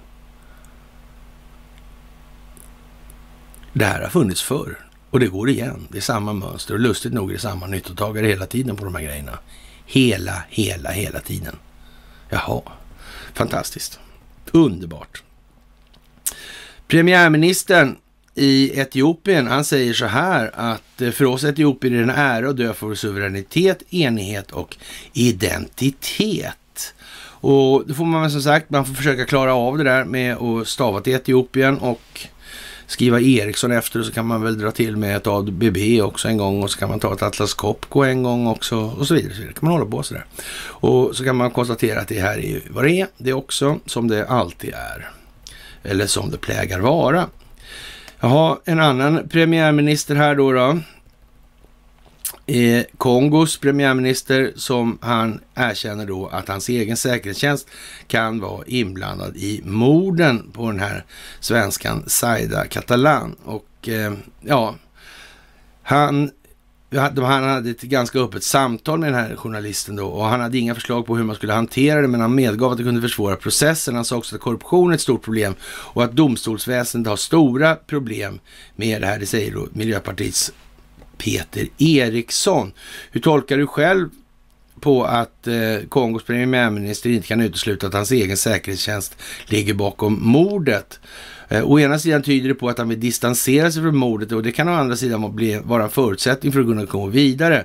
Å andra sidan kan det här också försvåra utredningen och eh, man kan väl tänka sig att det är lite komplicerat när statsmakten är inblandad på det viset. Och det är naturligtvis precis samma sak som vi började med det här med Palme och så vidare. Det blir lite mer komplicerat för det är ju liksom inte helt enkelt att mäta hela förgreningarna bara lätt sådär. Utan det blir ju helt enkelt lite mer komplicerat. Så. Jaha. Och eh, det här med att köra laxen på räls till Kina, laxtåget, norska laxtåget då, det går väl lite sådär helt enkelt just nu. Och ja, det verkar vara flera påsar som har varit i den säcken. Helt enkelt. Mm. Jaha, vi har en liten sån här rolig sån här Q-drop då, fyra års delta. Det innebär att den gjordes för fyra år sedan då. Och eh, det handlar om Huma Bedin och hennes intervju där och hon, hennes relation till Antoni Wiener. Och Antoni Wiener han går väl för att vara, ja, ett rätt slemmig jävel alltså. Ja, sådär och Ja, med där med ungen och, och ah, shit alltså det där, det går bort alltså. Och ja, han var ju ändå kongressledamot där i New York också. Och, men han har ju slarvat bort en dator då. Eller ja, sådär. Och där, på den finns det då eh, äh, mejl alltså. Och de här mejlen, det är inte bara sådana här till porrmejl hit och dit, utan han har ju mejl med Hillary Clinton också i det här. Och det framgår ju då utifrån det, de mejlen så framgår att det finns ju ett sådant system som inte finns då. Det vill säga Barack Obama och Joe Biden och de här har ett separat mejlsystem utanför det som de egentligen skulle ha inom statsförvaltningen då. Som är då säkerhetsskyddad och klassad och så vidare. De håller sig med ett eget sånt och det är för att kunna prata om saker som inte man vill att folk ska veta att de pratar om i det här. Och naturligtvis så är det inget läge att avlyssna dem på det systemet då, för de finns ju, det finns ju inte. Mm. Mm. Ja, det är lite speciellt och eh, hon har då ja, sjungit ut och angående hennes relation till Hillary Clinton. Och det behöver väl inte vara så att Johan, Johan Bedin är så jävla värdelös, men å andra sidan så kan man säga så här med både Clinton och Wiener i, på meritlistan, så vad fan liksom. Och, och dessutom det här med Muslimska brödraskapet och i Saudi och så vidare och så vidare. Ja, ja, det får ju visa sig alltså faktiskt.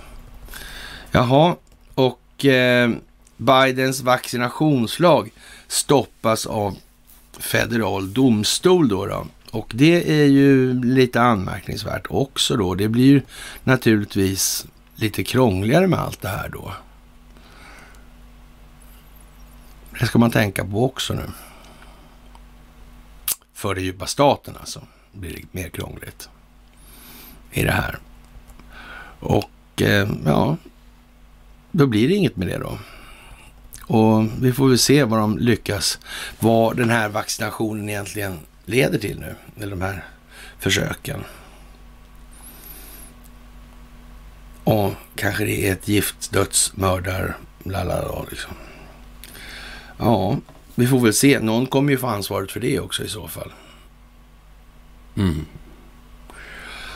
Stefan Löfvens tid, Löfvens tid som partiledare för Socialdemokraterna är över efter tio år. Den posten har gått över till Magdalena Andersson. När Stefan Löfven tackas av på partikongressen är lovorden många. Du har betytt så mycket för så många. Sveriges statsminister, vår Stefan Löfven, du är världens bästa chef och ledare, säger Magdalena som har en gedigen naturlig ledarskapsförmåga tydligen. Alltså, att säga så, det verkar ju jättedumt alltså. Det var väl kanske inte så hon skulle ha sagt ändå. Och så dum är det faktiskt svårt att tro att hon är, som hon ger uttryck för här. Det där känns inte rimligt. Nej, det gör det inte. Det liksom blir, bara, det blir ett jurrösserre. Det är vad det blir av det där alltså världens bästa chef och ledare. Ja, du ser vad det kan bli av tokigheterna. Och sen tor torkar hon en krokodiltår då naturligtvis. Jaha, Västervik söker en kommunkoreograf för 500 000 skattekronor då. Och ja, jag vet inte liksom.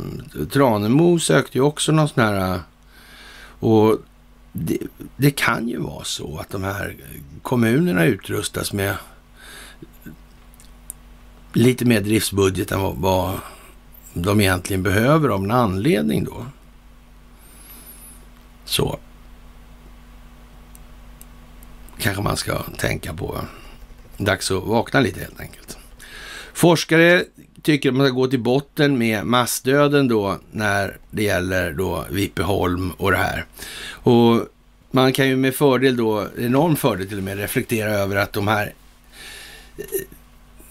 jävla eh, ställena då höll som egna församlingar. Vad fan gjorde de det för? Alltså kyrkobokföringen alltså. Så hade du väl hamnat där så då var det ju så liksom. Och dog du så dog du och då försvann du ur rullorna så att säga.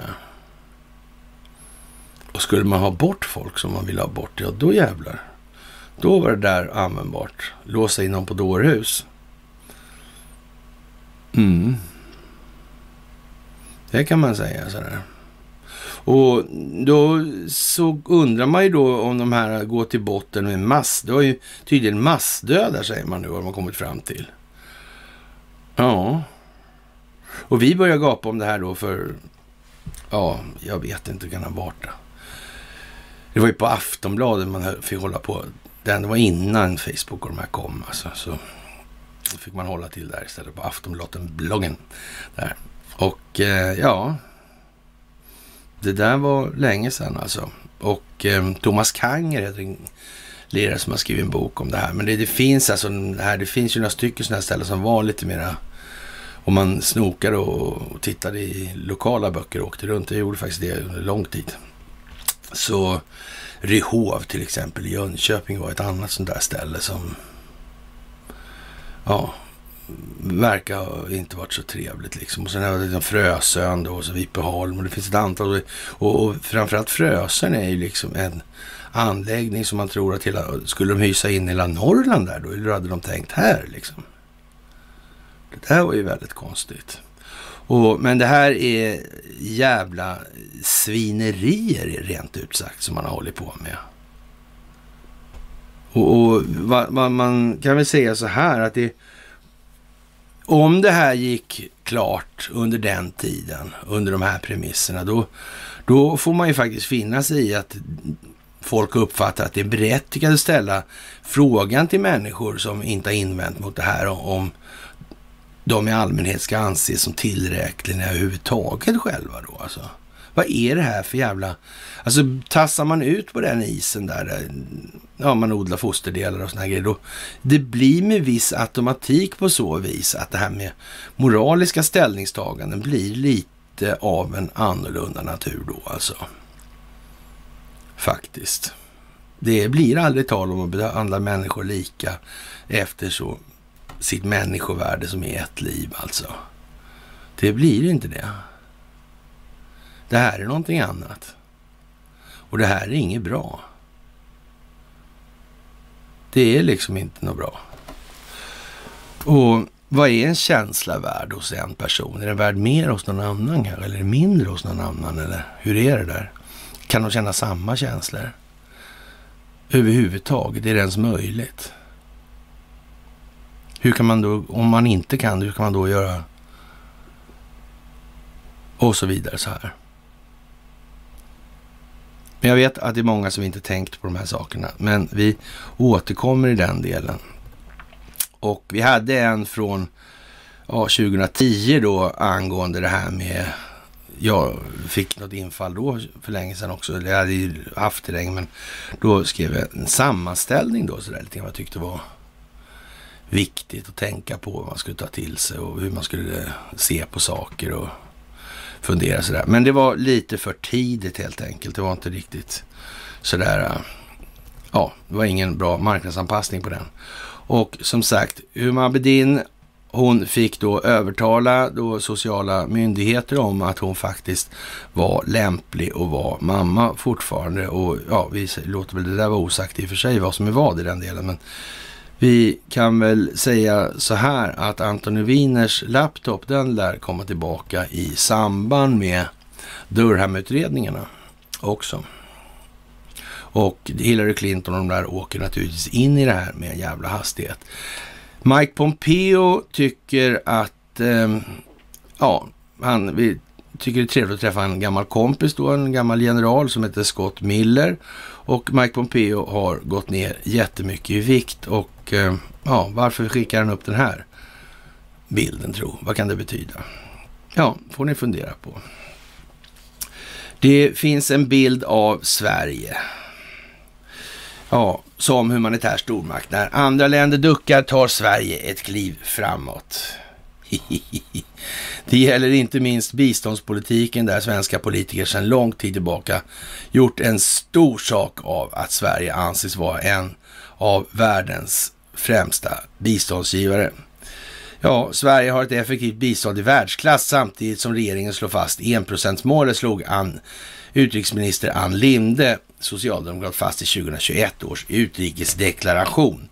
Och ja, man är inne på temat brutalt löjeväckande alltså när man håller på på det här viset. Och eh, jaha, men trots dessa bistånd, detta bistånd av världsklass har det svenska biståndsarbetet återkommande gånger fått kritik för allvarliga och systematiska brister. 2016 kunde SVTs Uppdrag granskning avslöja att ett korrupt boende, korruptiv kooperativ i Zambia förskingrat ekonomiskt stöd på upp till 30 miljoner kronor från biståndsmyndigheten Sida. Och vi har ju pratat om Sida lite grann förr då kan man säga. Samma år kritiserade expertgruppen för biståndsanalys, EBA, en statlig kommitté som utvärderar och granskar biståndsarbetet, Sveriges långsiktiga bistånd till Tanzania. Under de 50 år Sverige varit verksamt i landet bidrog svenska biståndspengar bara marginellt till fattigdomsreduktion eller reducering säger man här, i landet. Och i år kunde EBA visa på svaga resultat för det svenska biståndet till Afghanistan, ett arbete vars biståndssatsningar under de senaste 20 åren uppgått till 14 miljarder kronor. Och det här är naturligtvis, som jag sagt hela tiden, en jävla lekstuga och ingenting annat. Och ja, det ska bli ett glatt nöje att se människor som hör hemma i de djupaste fängelsehålorna i de här sammanhangen faktiskt hamna där också. En annan grej som är lite rolig, det är lite kuriosa faktiskt, är med den gamla London Bridge som finns nu i Arizona faktiskt. Det är lite sådär äh, speciellt alltså. Och eh, ja, det där får man tänka igenom ordentligt. Mm. Greta beskylls nu för att vara antidemokratisk i Glasgow för att hon skränade om att eh, ja, de kunde stoppa upp det här jävla klimatmötet där solen aldrig lyser. Då. Och de åker ju naturligtvis privatjet, så det är ju rena skämtet. Det drar ju ett sånt löjets skimmer över allt vad de har snackat om den här klimatrörelsen och miljörörelsen. Så det är ju, ja, det är vad det är. Det där rasar. Det rasar ordentligt. Big time. Jaha, och nu är Gavin Newsom i USA, amerikanska valet där, han är som jävlar försvunnen alltså. Och det är ganska stort väsen i den delen. Hur kommer det här sig egentligen? Vad beror det här på? Vad är han försvunnen för? Mm. Och det är samma sak med Msaki. Hon är också inte synlig längre. Konstigt. Ha. ja, eh, som sagt, Sullivan Cromwell är Sullivan Cromwell och eh, upptrappat, upptrappat ordkrig om omstridda Västsahara och där har vi den här fosforhistorien och eh, man kan väl säga så här att om man läser igenom historien avseende Västsahara och det här och tiden för det här när Spanien frånhäntes det här, eller frånhändes. Och eh, då är det väl inte helt utan att man får upp den här namnet på den här advokatfirman Sullivan Cromwell då i de sammanhangen. Mm. Det var väl inte så att Spanien dikterades in i helvete med villkor i alla fall efter andra världskriget. Nej, då var det inte. Men det gjorde någon annan. Undrar vilka det kan ha varit. Jaha, det är, ja, vad ska vi säga? Nu har som sagt då alternativmedierna börjat eh, prata om governance och den djupa staten i Samnytt. Och Eh, ja, lite grann i alla fall ja. Mm, så. Ja, ja, men det, alltså, det, ja, det är klart. Men man får ligga, nu får de ligga i här. Nu får de publicera fyra, fem nummer om dagen om de ska komma ikapp innan 2040. Så det är väl sådär kanske. Men i alla fall, det är bättre än ingenting. Och eh, som sagt, eh, ja, Xi Jinping, han medger då att eh, ja, en global konsensus vänder sig nu emot globalismen och det är ju inte så mycket att säga mer än god morgon liksom. Det är så det är. Så är det. Ja, Sverige är redo att ta emot eh, ja, rumänska covidpatienter och då kan man ju tycka att det borde kanske folk tänka till lite här nu. Men vi får väl se vad som krävs. Det blir kanske 5 000 spänn liten för dieseln och 10 kilometer i timmen på E14 då, eller något sånt där möjligen. Jag vet inte. Analyser Esbo minerad markplanen kan spricka. Och det här är i Omni då och man, ja, Stefan Löfven kommer att lämna in sin avskedsansökan i början av veckan här alltså. Och Magdalena kommer där försöka bli Sveriges nästa statsminister och DNs politiska kommentator Eva Stenberg spår fartfyllda dagar i den politiska världen. Och ja, vad ska jag säga? Det är ju förmodligen så att det kommer en massa saker nu som vi inte och Magdalena har ju faktiskt satt på sig en typ av klädsel som eh, ja, den väcker ju inte sympati sådär i stor utsträckning. Hon har ju alltid varit snäll annars, men det här är i alla fall jag är rätt så säker på det. Jag, jag har en känsla av att det här kan, kan nog bli lite förändrat intryck av Magdalena. Hon är lite för lojal mot sin man Stefan för att det här ska kunna... Nej, vad säger jag? Rickard Friberg heter han. De är min gamla gympalärare som heter Stefan Friberg för alla er som kommer från Haninge. Ja, just det. Du, eh, vad säger man om det här då? De beter sig som hund och katt då lite grann de här andra. Och, och eh, den här Dadgostar är ju en märklig filur skulle man väl kunna säga. Och ja, Lena Melin hon tycker att Socialdemokraternas plan lätt kan haverera åt att de går på minerad mark. Och eh, ja, hon skriver att hovet och statsrådsberedningen har planerat att den nya statsministern och regeringen ska förklaras den 15 november och menar dock att tidplanen ser ut att kunna spricka på grund av Vänsterpartiet, skogen och strandskyddet. Jag skulle kunna räkna upp några saker till i och för sig, men det kanske vi inte behöver göra just nu, för det här blir som sagt en väldigt intressant vecka. Och eh, sen har vi det här med godmanshistorien då. Förvaltade utsatta sprängar åtalas för förskingringen. Vi har flickan med draktatueringarna Söderhamn och vi har hela den biten. Och den är på väg upp nu också. För säkerhets skull. Det är ju fantastiskt. Och varannan är inte redo att ändra sina vanor för klimatet. De eh, ja, tycker att eh, de tänker inte lägga om sin livsstil överhuvudtaget egentligen.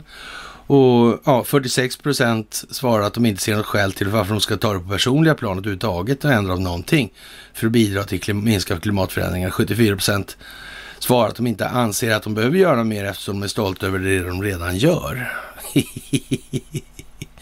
på tal om att det rasar inte. Nej, gör inte det. Eh, jaha, ja. Mm. Och tänk på att det handlar om opinionsbildning. Det spelar ingen roll hur det egentligen är i verkligheten. Det är trummas på nu. Och det blir så här. Det är inget annat. Det finns ingen moteld. Det finns ingen kraft i Lena Melin. Det finns ingen kraft i Anders Lindberg och de här alternativmedierna. Det är ju ingen som... Alla har sett vad de har sagt. Hur de har hållit på. Det är ingen som tror på det där längre. Det, det finns liksom ingenting att säga. Vad, vad, ska man säga för någonting då? Nu, nu kan man se liksom att det, det, så här och så här ser det ut. Ja, de har inte sagt ett ljud någon gång. Och eh, vi vet vilka som ligger bakom attacken, säger den irakiske premiärministern Mustafa Al-Kademi. Och eh, ja, vi kommer att jaga dem som utförde gårdagens brott, en drönarattack. Vi känner väl till dem och kommer att avslöja dem, säger Kademi i ett utskick från hans kansli. Och vi kanske ska göra gör en liten reminder om, det fanns det inte någon minister där som eh, fick han något bidrag från Sverige eller då har han varit irakisk försvarsminister kanske eller så. Ja, men den här vanliga skiten. Mm. Eller inte. Men djupa staten är inte inblandad? Nej. nej. Telefonerna? Nej. Nej, inte då. Då vet vi det. ja, ja. Skönt. Eh, LRF eh, har en idé i Omni om att överföra inte elen med föråldrad teknik utan att nämna då något speciellt med vilken teknik de menar man ska använda istället då. Och eh, Ja, när Sverige planerar att öka tillförseln på elenergi från norra till södra Sverige väljer Svenska kraftnät och kraftbolagen att göra genom luftledningar, skriver flera debattörer, bland annat från LRF på SVDs debattsida. Och det är ju en sån då anslagstavla för opinionsbildning. Och då undrar ju vän av ordning lite grann, ja, eh, det finns alltså andra alternativ här då och det är väl möjligt att en form av elektromagnetisk strålning skulle kunna hantera den frågan då. Det är väl inte omöjligt, men Ja, vad det för med sig för miljöeffekter, det är inte riktigt uppenbart för alla heller. Det kan vi ju lätt säga i alla fall. Och eh, debattörerna anser att det finns annan teknik som är bättre lämpad. Den tekniken är dock dyrare, men debattörerna menar att svenska kraftnät och kraftbolag och märk väl här nu alltså avslutningen i det här bör lägga vinstintresset åt sidan. Och, och det kan man väl säga så här, ja, Eh, det här med att begränsa det allmänna för det enskilda vinstmaximeringsintressets skull, det är lite eljest faktiskt. Den svenska trögfattarföreningen får ta med fan ta sig samman lite grann här nu va. Det borde vara dags helt enkelt. Och ja, ja, ja, fosfatstölden fortsätter. Tidskriften Västsahara la vi upp en gammal artikel då för och det är ju lite så att säga så, helt enkelt. Ja, ja. Och eh, telekomdirektör kopplad till Myanmar-juntan blev skjuten då och när det gäller då Myanmar så kan man väl bara liksom konstatera, man tar det här bolagets namn då och, och så tar man den gamla vanliga Ericsson då och så får man upp en artikel till exempel från något som heter omvärlden.se. Ericsson liksom kritiseras för indirekt samarbete med militären i Myanmar och så vidare. Så, mm. så var det precis som vanligt då. Ja, därmed inte sagt att militären i Myanmar är kompisar med Ericsson, men ja, ni förstår. Ungefär som Lukasjenko. Hyckleriet är större än Bidens privatjet och ja, man ska som sagt inte störa den fiende som försöker ta koll på sig själv då med högsta möjliga intensitet typ. Och därför får man ju hålla på. Det är ju det som det här spelet har gått ut på. Nu är Investor och Wallenberg tvungna att göra som de gör. Det låter för jävligt i allas ögon och öron. Det var så. Och Joe Biden han får bara göra dummare och dummare saker. Han är nere på nivån där han står och fiser på klimatmötet. Ja, ungefär. Det är en återhämtningsväg som heter duga helt enkelt. Ja, värst av allt är Joe Biden. Han och hans följe står upp för de största utsläppen, runt tusen ton koldioxid. Det är klart att dessa utsläpp uppmärksammas i medierna, men vi får heller inte glömma att det största hyckleriet sker utanför klimatmötet i den faktiska politiken. Ja, och så vidare. Det där är ju liksom helt vad det är just nu och ingenting annat. Och Expressen avslöjar Ericssons samarbete med de här barnfabrikerna och eh, ja, Tucker Carlson, han går ut och förklarar helt enkelt nu. Det är inte han som förklarar det här senaste som var, men eh, i alla fall, det är en rad olika, ja vad ska vi säga, vägdelar eller vattendelar som sker nu, eller kommer nu. Eh, ja, det här är ju som ni själva har börjat skriva nu att det nu börjar det bli svårt att hänga med. Ja, det, det är klart att det... Men det är bara att bita ihop nu alltså. Vänja sig vid det högre tempot. Det är inte mer än så. Det är ingen annan som kommer göra det åt er helt enkelt. Så det är bara att stå på. Och det kommer ni tacka er själva för att ni fattade det beslutet en gång. Det är också helt jävla säkert.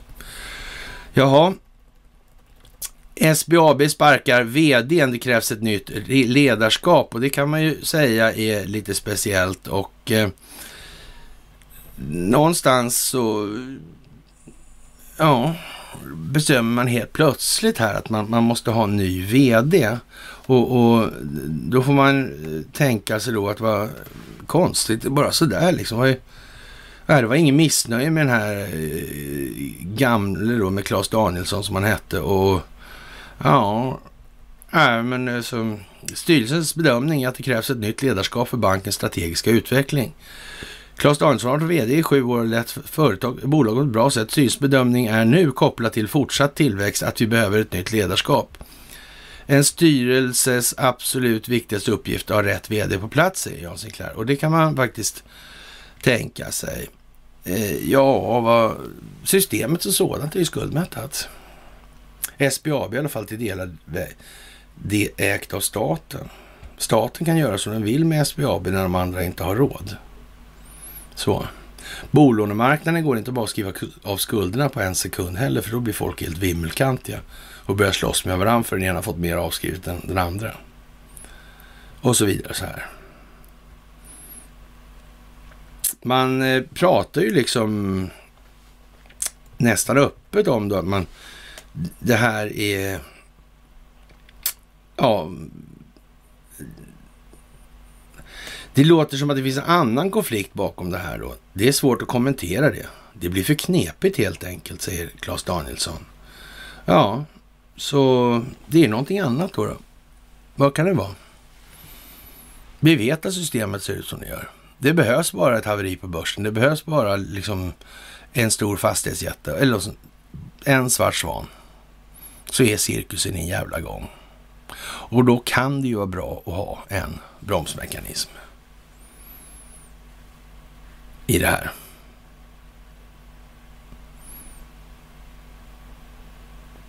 Och ha då det här som uppsamlingshit. Det här är ju någonting man får tänka efter lite. Hur blir det här rent funktionsmässigt då? De andra aktieägarna i SBAB, de kan ni bortse ifrån då. De musklar ju inte ut staten om vi säger som så. Det går inte. Och de andra bankernas bolån.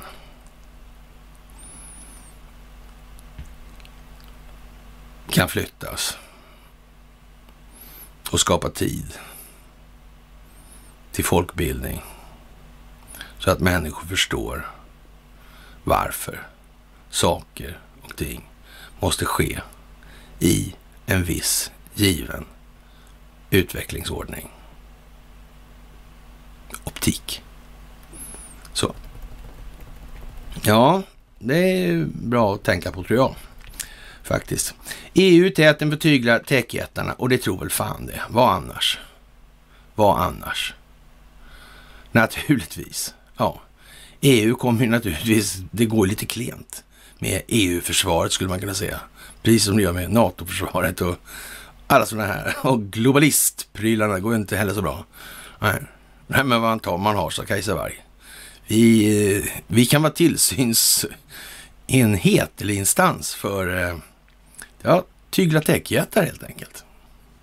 Ja, men det skulle den kunna vara.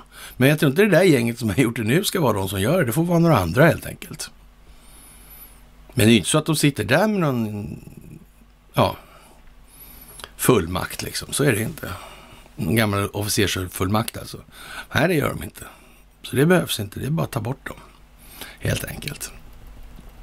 Ja, och eh, det här är ju lite sådär eh, speciellt då alltså.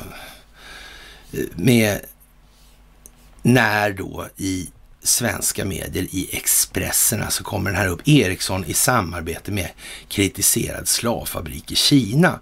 Då tror man ju faktiskt inte, för när man har läst den här, vi hade läst om Wallenberg själv uttryckte som han finansierade Norge och Finland och där grejer. Det är ju som inte så många finnar som trodde då liksom att mm, toppen liksom. De har varit slavar hela livet liksom. Ja.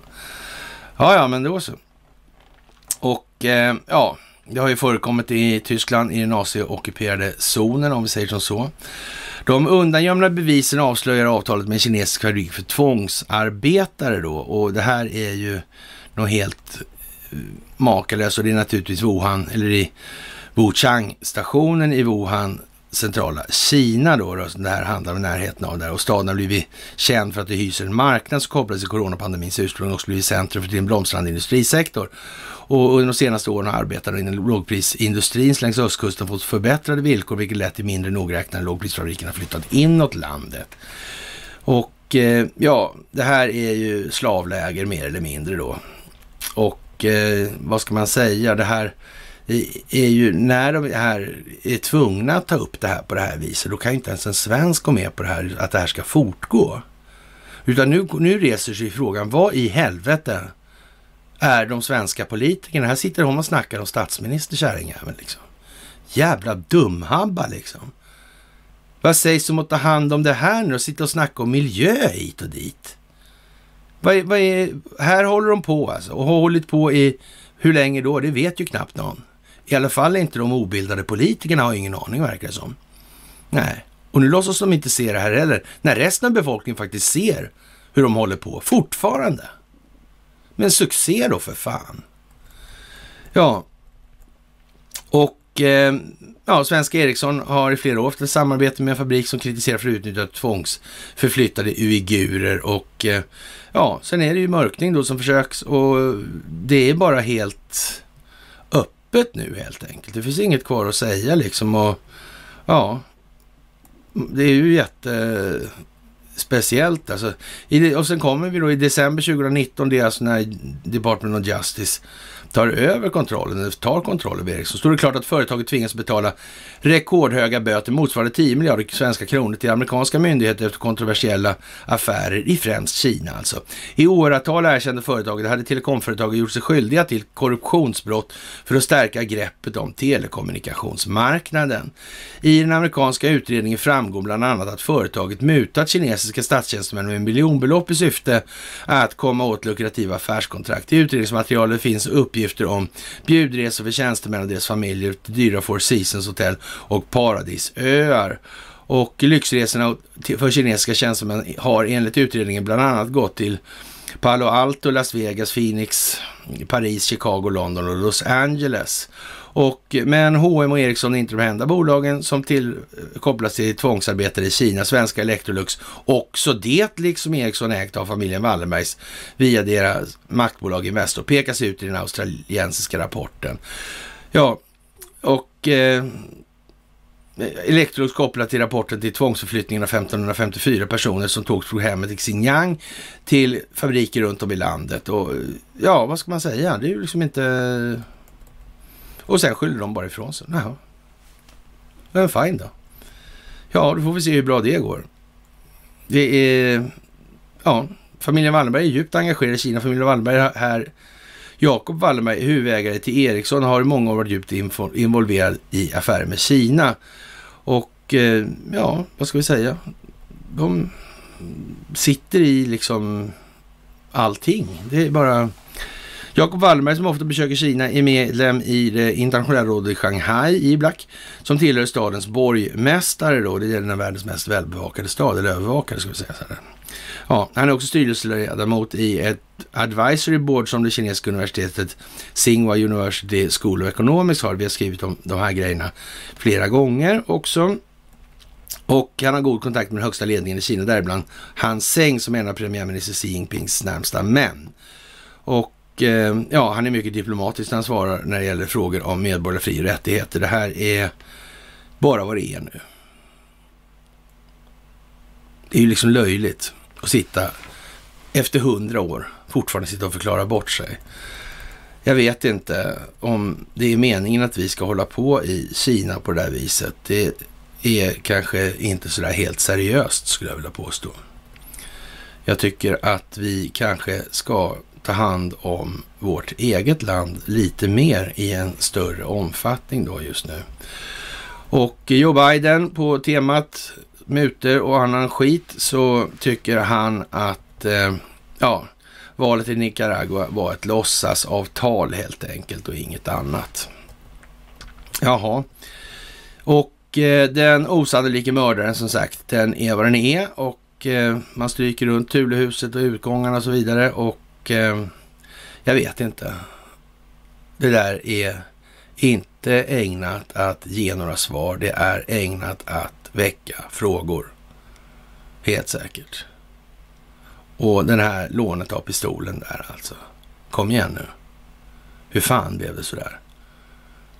Fick han tillbaka pistolen sen provsköts den då eller har han, han som heter Levin där och vänstra inte han med Engströms kärring och i det läget är det väl inte sådär skitsmart att låna ut en pistol till Engström. Eller hur fan tänkte de här liksom? Och, och annars är ju inte tele, eller pistolen kvar då eller ja och så vidare och så vidare och så vidare. Så där, så att. Det här tåget som har vurpat, det kostar lite stålar sådär. Det har 3 miljoner i timmen ungefär kostar det då för LKAB just nu i skrivande sittande stund här och det kan man ju tycka är lite speciellt alltså. Och som sagt, många fler åtal väntar i det här Durham-processerna och frågor om Durham kommer leda dem i mål eller om det här redan är ute på entreprenad då så att säga. Och vem vet, det kan ju vara där en sån som Trey Gowdy dyker upp till exempel för att ge svar på den frågan var han är någonstans. Så kan det nog vara så att han är någonstans. Så. Med det, kära vänner, så får vi anse att det här har varit ett långt måndagsmys och det är klart att det måste bli det i de här tiderna. Så enkelt är det bara. Och vi får önska varann en trevlig måndagkväll och sen så hörs vi senast på måndag nu då. Och eh, ja, tack för allt ni gör. Det här är bara att stå på nu. Nu ökar vi takten. Trevlig kväll.